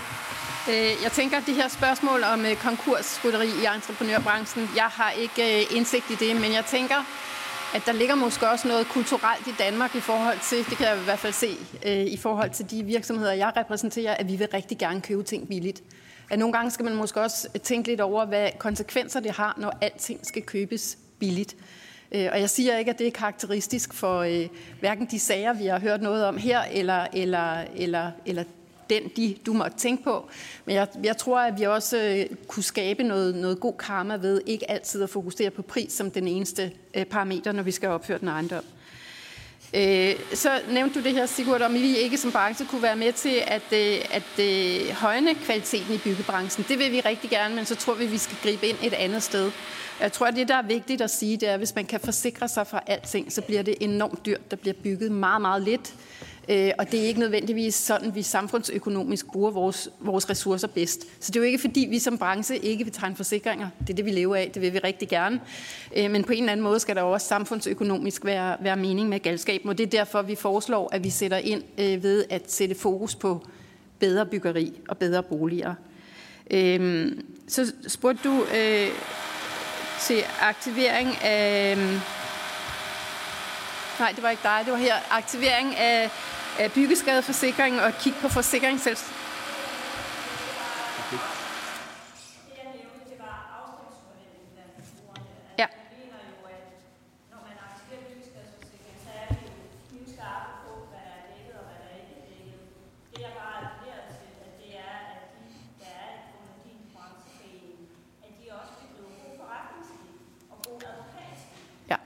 Men, men jeg vil sige, det, det budskab hører vi, og det er jo i virkeligheden det samme, vi siger på ejerskifteforsikringsområdet, at der sker også noget godt i et marked, når man skaber en større grad af konkurrence. Så det her med, at, det, at der er flere aktører, der er på det marked, gør også noget i forhold til, at man holder fokus på andet end pris. Øh, om det så er på en byggeskadeforsikring eller en ejerskifteforsikring. Så vi tror på det der med at, at skabe et større marked. Det giver noget mere konkurrence. Konkurrence på indhold, på dækning, på service osv. Det vil gøre noget godt. Øhm, og så tænker jeg, at, øh, at vi skal også huske på, altså i, den her, i vores bestræbelser på at undgå, at sagerne går øh, til retssystemet. Altså nu har vi jo faktisk et retssystem, skal, som skal samle op på, når vi er uenige om nogle ting. Øh, så på en eller anden måde skal vi jo også holde fast i, at selvfølgelig kan der være sager, hvor, vi, øh, hvor også vores branche er uenige med deres kunder. Øh, og, og der skal vi have mulighed for at få det prøvet igennem et retssystem. Så målet skal jo ikke være, at vi fjerner alle sager, men det er de rigtige sager, der går videre, hvor vi har brug for at få afstemt, hvad er egentlig inden for uden for forsikringsdelen. Så tror jeg, det var Morten, der spurgte til, hvad med ejerlejlighederne? Har vi glemt dem? Nej, det har vi ikke. For i vores forslag til en ny ejerskifteforsikring, der har vi netop også stillet forslag om, at når man køber en ejerlejlighed, skal man have fuldstændig samme mulighed for at være en del af den her huseftersynsordning, øh, så man kan tegne en ejerskifteforsikring, og man som sælger i øvrigt kan slippe for sit, øh, sit ansvar. Så det er en del af vores forslag. Så, ja. Vi haster videre. Louise? Tak. Øhm, jamen, i virkeligheden i forhold til alt til det, nu har Nils Haldor talt om øh, kvaliteten af byggeriet, og det er også, øh, Charlotte, du er lidt uinde på det, det her med konkursrytteri og sådan, men i virkeligheden foregår der jo vildt mange initiativer, har gjort det i virkelig mange år i forhold til kvalitetssikring af byggeriet. Der bliver ført tilsyn, der er øh, byg erfa, alle mulige forskellige erfa-grupper, hvor at øh, håndværkere videndeler og prøver at videregive øh, altså byggeteknisk best practice. Altså masser af fokus på kvalitetssikring i byggeriet. Vi fik de her nye AB-aftaler i 18, som øh, Morten var lidt inde på øh, tidligere, altså hvor at vi faktisk gerne vil følge op og føre tilsyn af kvalitetssikring. Så det skal vi selvfølgelig. Når der så er nogen, der ikke er med i det spil, øh, altså, og det bliver jo lidt kedeligt, men at hvis man skal lave en aftale, og det er også lidt af dit spor, øh, Pia Holm, altså så, så skal man jo undersøge, hvem det er, man er ved at indgå en aftale med. Og hvis man tager den billigste, man kan finde, og man ikke undersøger deres baggrund, og vi har så mange muligheder i dag for at undersøge på nettet, hvor kommer de fra, og hvem er de. Så man skal jo tænke sig om, men når man laver sit livs investering, det skal man bare. Og så skal man undersøge dem øh, grundigt med de ting, man kan. Øh, du siger i forhold til, at du også ser offentlige byggerier, hvor der er problemer, men, men det øh, handler rigtig meget om pris. Øh, fordi vi står over for den her grønne omstilling, vi skal ind i, vi skal arbejde på nye måder med nye materialer, øh, og alt det kan vi kun, hvis vi gør det sammen. Men vi skal tænke os om, når vi gør det, øh, og så undersøge, hvem vi er ved at lave vores livs aftale med. Der foregår rigtig mange gode ting derude, rigtig mange dedikerede folk, der gerne vil byggeri og gøre det på den bedste måde. Og det er dem, vi skal hylde og blive ved med at fremme, og så øh, skal nok gå. tak. Bjørn? Ja, tak. Øh, jeg har prøvet at tegne billeder af en ordning, som grundlæggende set er enormt velfungerende. Men, men jeg tror også, det er helt tydeligt, at vi også har brug for at få i gang sat denne her, øh, sådan det her eftersyn af huseftersynsordningen og ejerskiftforsikringen. Øh, så det vil jeg sådan set håbe på, at det bliver resultatet af det her. Nu sidder der både Sigurd og Charlotte og Thomas også før fra, fra boligudvalget, at de sådan set vil bakke op om den proces, når det er, vi nu går i gang med den her inden for kort tid med at prøve at presse øh, det politiske system, således at øh, vi får øh, i gang sat denne her øh, revision og eftersyn af ordningen, som, som helt åbenlyst også er så nødvendig. Tak. Tak.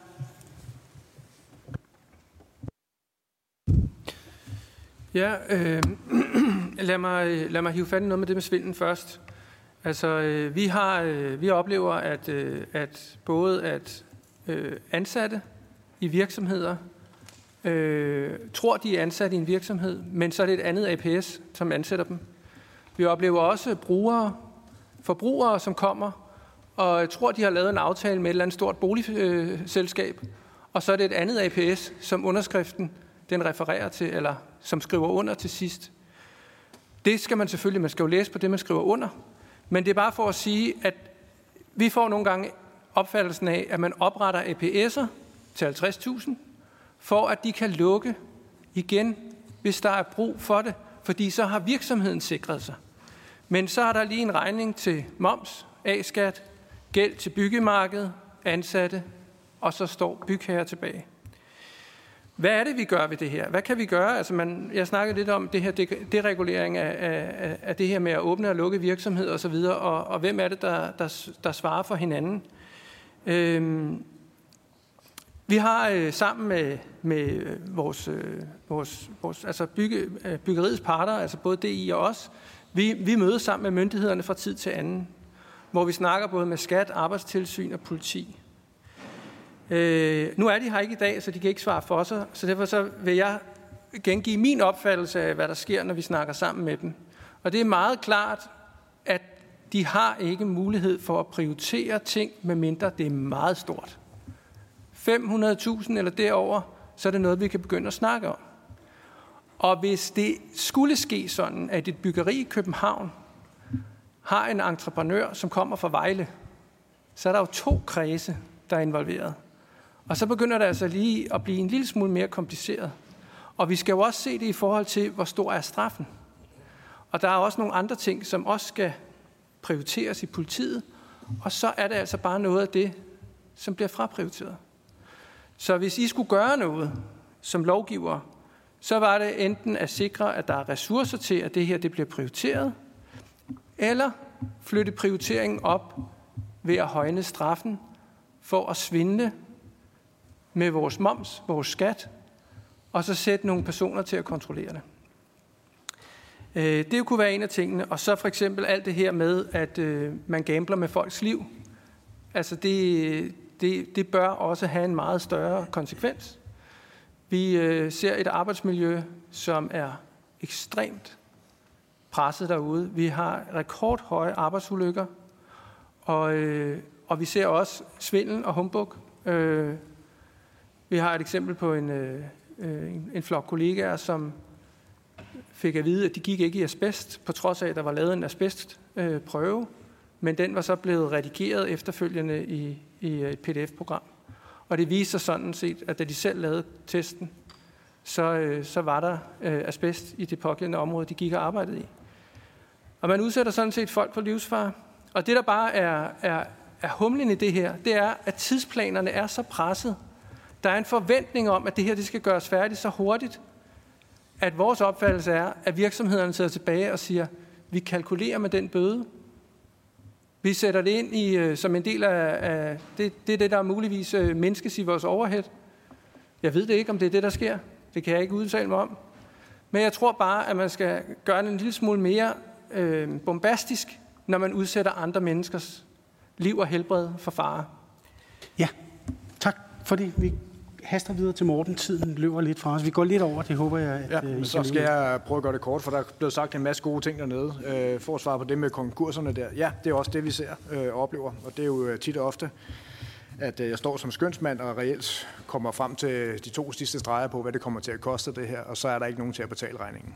Den, han er væk. Og jeg, jeg har foreslået noget som en, en mesteruddannelse, altså at man simpelthen laver en certificeringsordning fra erhvervsdrivende øh, håndværker, måske også nogle andre, sådan så at man ikke bare kan tage den her certificeringsordning, mesterordning, og køre videre i et nyt CVR-nummer, uden at der ligner nogle alarmklokker, der ringer med et, et hav af konkurser bag sig. Det kunne være en mulighed. Og ellers vil jeg bare følge op på, øh, jeg er enig med Ole dernede og sige, at vi skal have højnet fagligheden inden for, ja, for, for alle, det gælder lige fra arkitekter til håndværkerne nede på, på bunden, og øh, meget enig med Niels dernede at sige, men der er altså sket noget med grundforskning inden for det her. SBI, Statens Byggeforskningsinstitut, er en skygge af sig selv, og der bliver ikke lavet grundforskning inden for alt det her. Og der går en masse øh, god viden tabt der. Og jeg har hørt, det er allerede gået tabt. Vi har haft om det før. Så øh, ja, jeg har lavet et arbejdsnotat med en masse gode råd, som minder om alt det der ned igennem, så det er bare at tage fat på det. Tak. Sanna? Øh, ja, omkring det her svindel, så vil jeg sige, det er jo allerede i toppen i for eksempel hos Domus Forsikring. Der sidder jo faktisk øh, svindeldømte øh, i ejerkredsen. Det er jo under kritik, at det overhovedet kan sive nedad på den måde. Det er klart, at øh, når man øh, til Finanswatch udtaler, at man har tænkt sig at nedskrive nogle af sine øh, million store underskud, ved at man øh, øh, allerede der har lagt, lagt en prognose for, at næste år, så vil man sørme nedsætte erstatningsudbetalingerne til forsikringstagerne, som er helt almindelige forbrugere, så er der jo virkelig noget galt. Altså, selvfølgelig skal det være en forretning, men, men for mange af os, og det er jo en del af problemet, mange forbrugere tør jo ikke stå frem. Rigtig mange forbrugere tør ikke stå frem, og derfor er der uendelig store mørketal. Uendelig store mørketal.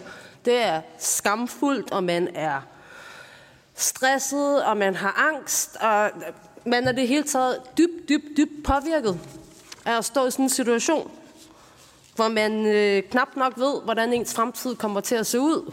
Fordi man kan godt regne ud, at det bliver rigtig svært og rigtig hårdt, og man har ikke penge længere, fordi det, man har købt, er måske slet ikke noget værd efterhånden. Øh, jeg vil sige i forhold til Bjørn, han sagde, at der er meget stor tillid til huseftersynsordningen, og det vil jeg umiddelbart sige, ja, både ja og nej. Vi havde jo også selv tillid Det tal, de 95 procent tillid, synes jeg overhovedet ikke afspejler den reelle virkelighed. Og det taler også lidt ind i, hvad Pia hun talte om, at en ud af tre skader dækkes. Ja, vi har også oplevet helt små ting. De bliver dækket. Det er ikke det, der er problemet. Problemet er, når du virkelig, virkelig har brug for dækning, så er, der, så er det bare nej og nej og nej og nej. Og de nej, de kan køre i rigtig mange år, fordi de her forsikringer har, udover at det er fuldstændig uetisk, den måde, de fungerer på. Og grunden til, at de fungerer uetisk, nogle af de her forsikringsselskaber, det er jo fordi, at de kan slippe afsted med det. Der er jo simpelthen ingen, der går ind og sætter en stopper for det. Øh, ja. Så det her, de små skader, de går, dem går de i dækning på. Jeg synes, at Nils og Morten øh, og også Ole kom ind på noget rigtig spændende, rigtig, rigtig, rigtig vigtigt, som jeg umiddelbart ser kan løse de fleste problemer her. Og også, kan man sige, pigers nye ejerskifteordning.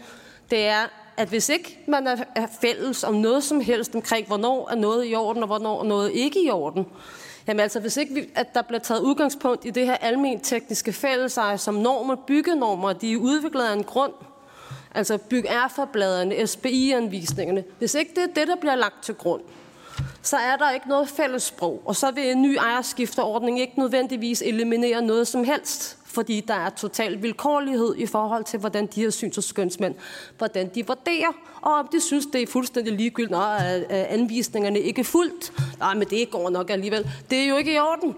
Hvordan skal man sikre en bedre byggemasse, hvis ikke man tager udgangspunkt i, hvad Morten og Nils de taler om?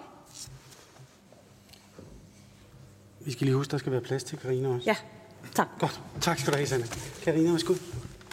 Jamen, jeg har faktisk ikke så meget at sige. Øh, jeg kunne have ønsket, at jeg havde haft min dom med i dag. Øh, og i og med, at jeg ikke har det, og at jeg kan se, at øh, en af advokaterne sidder repræsenteret her i dag, som har forsøgt at få landsretten til at komme med en hurtigere dom end på tirsdag næste uge, da jeg sidder her i dag, og at min sag er en del af det her, den her høring, så vælger jeg at sige, at mit sidste ord, det må blive på, på tirsdag til DR 1 kl. 10.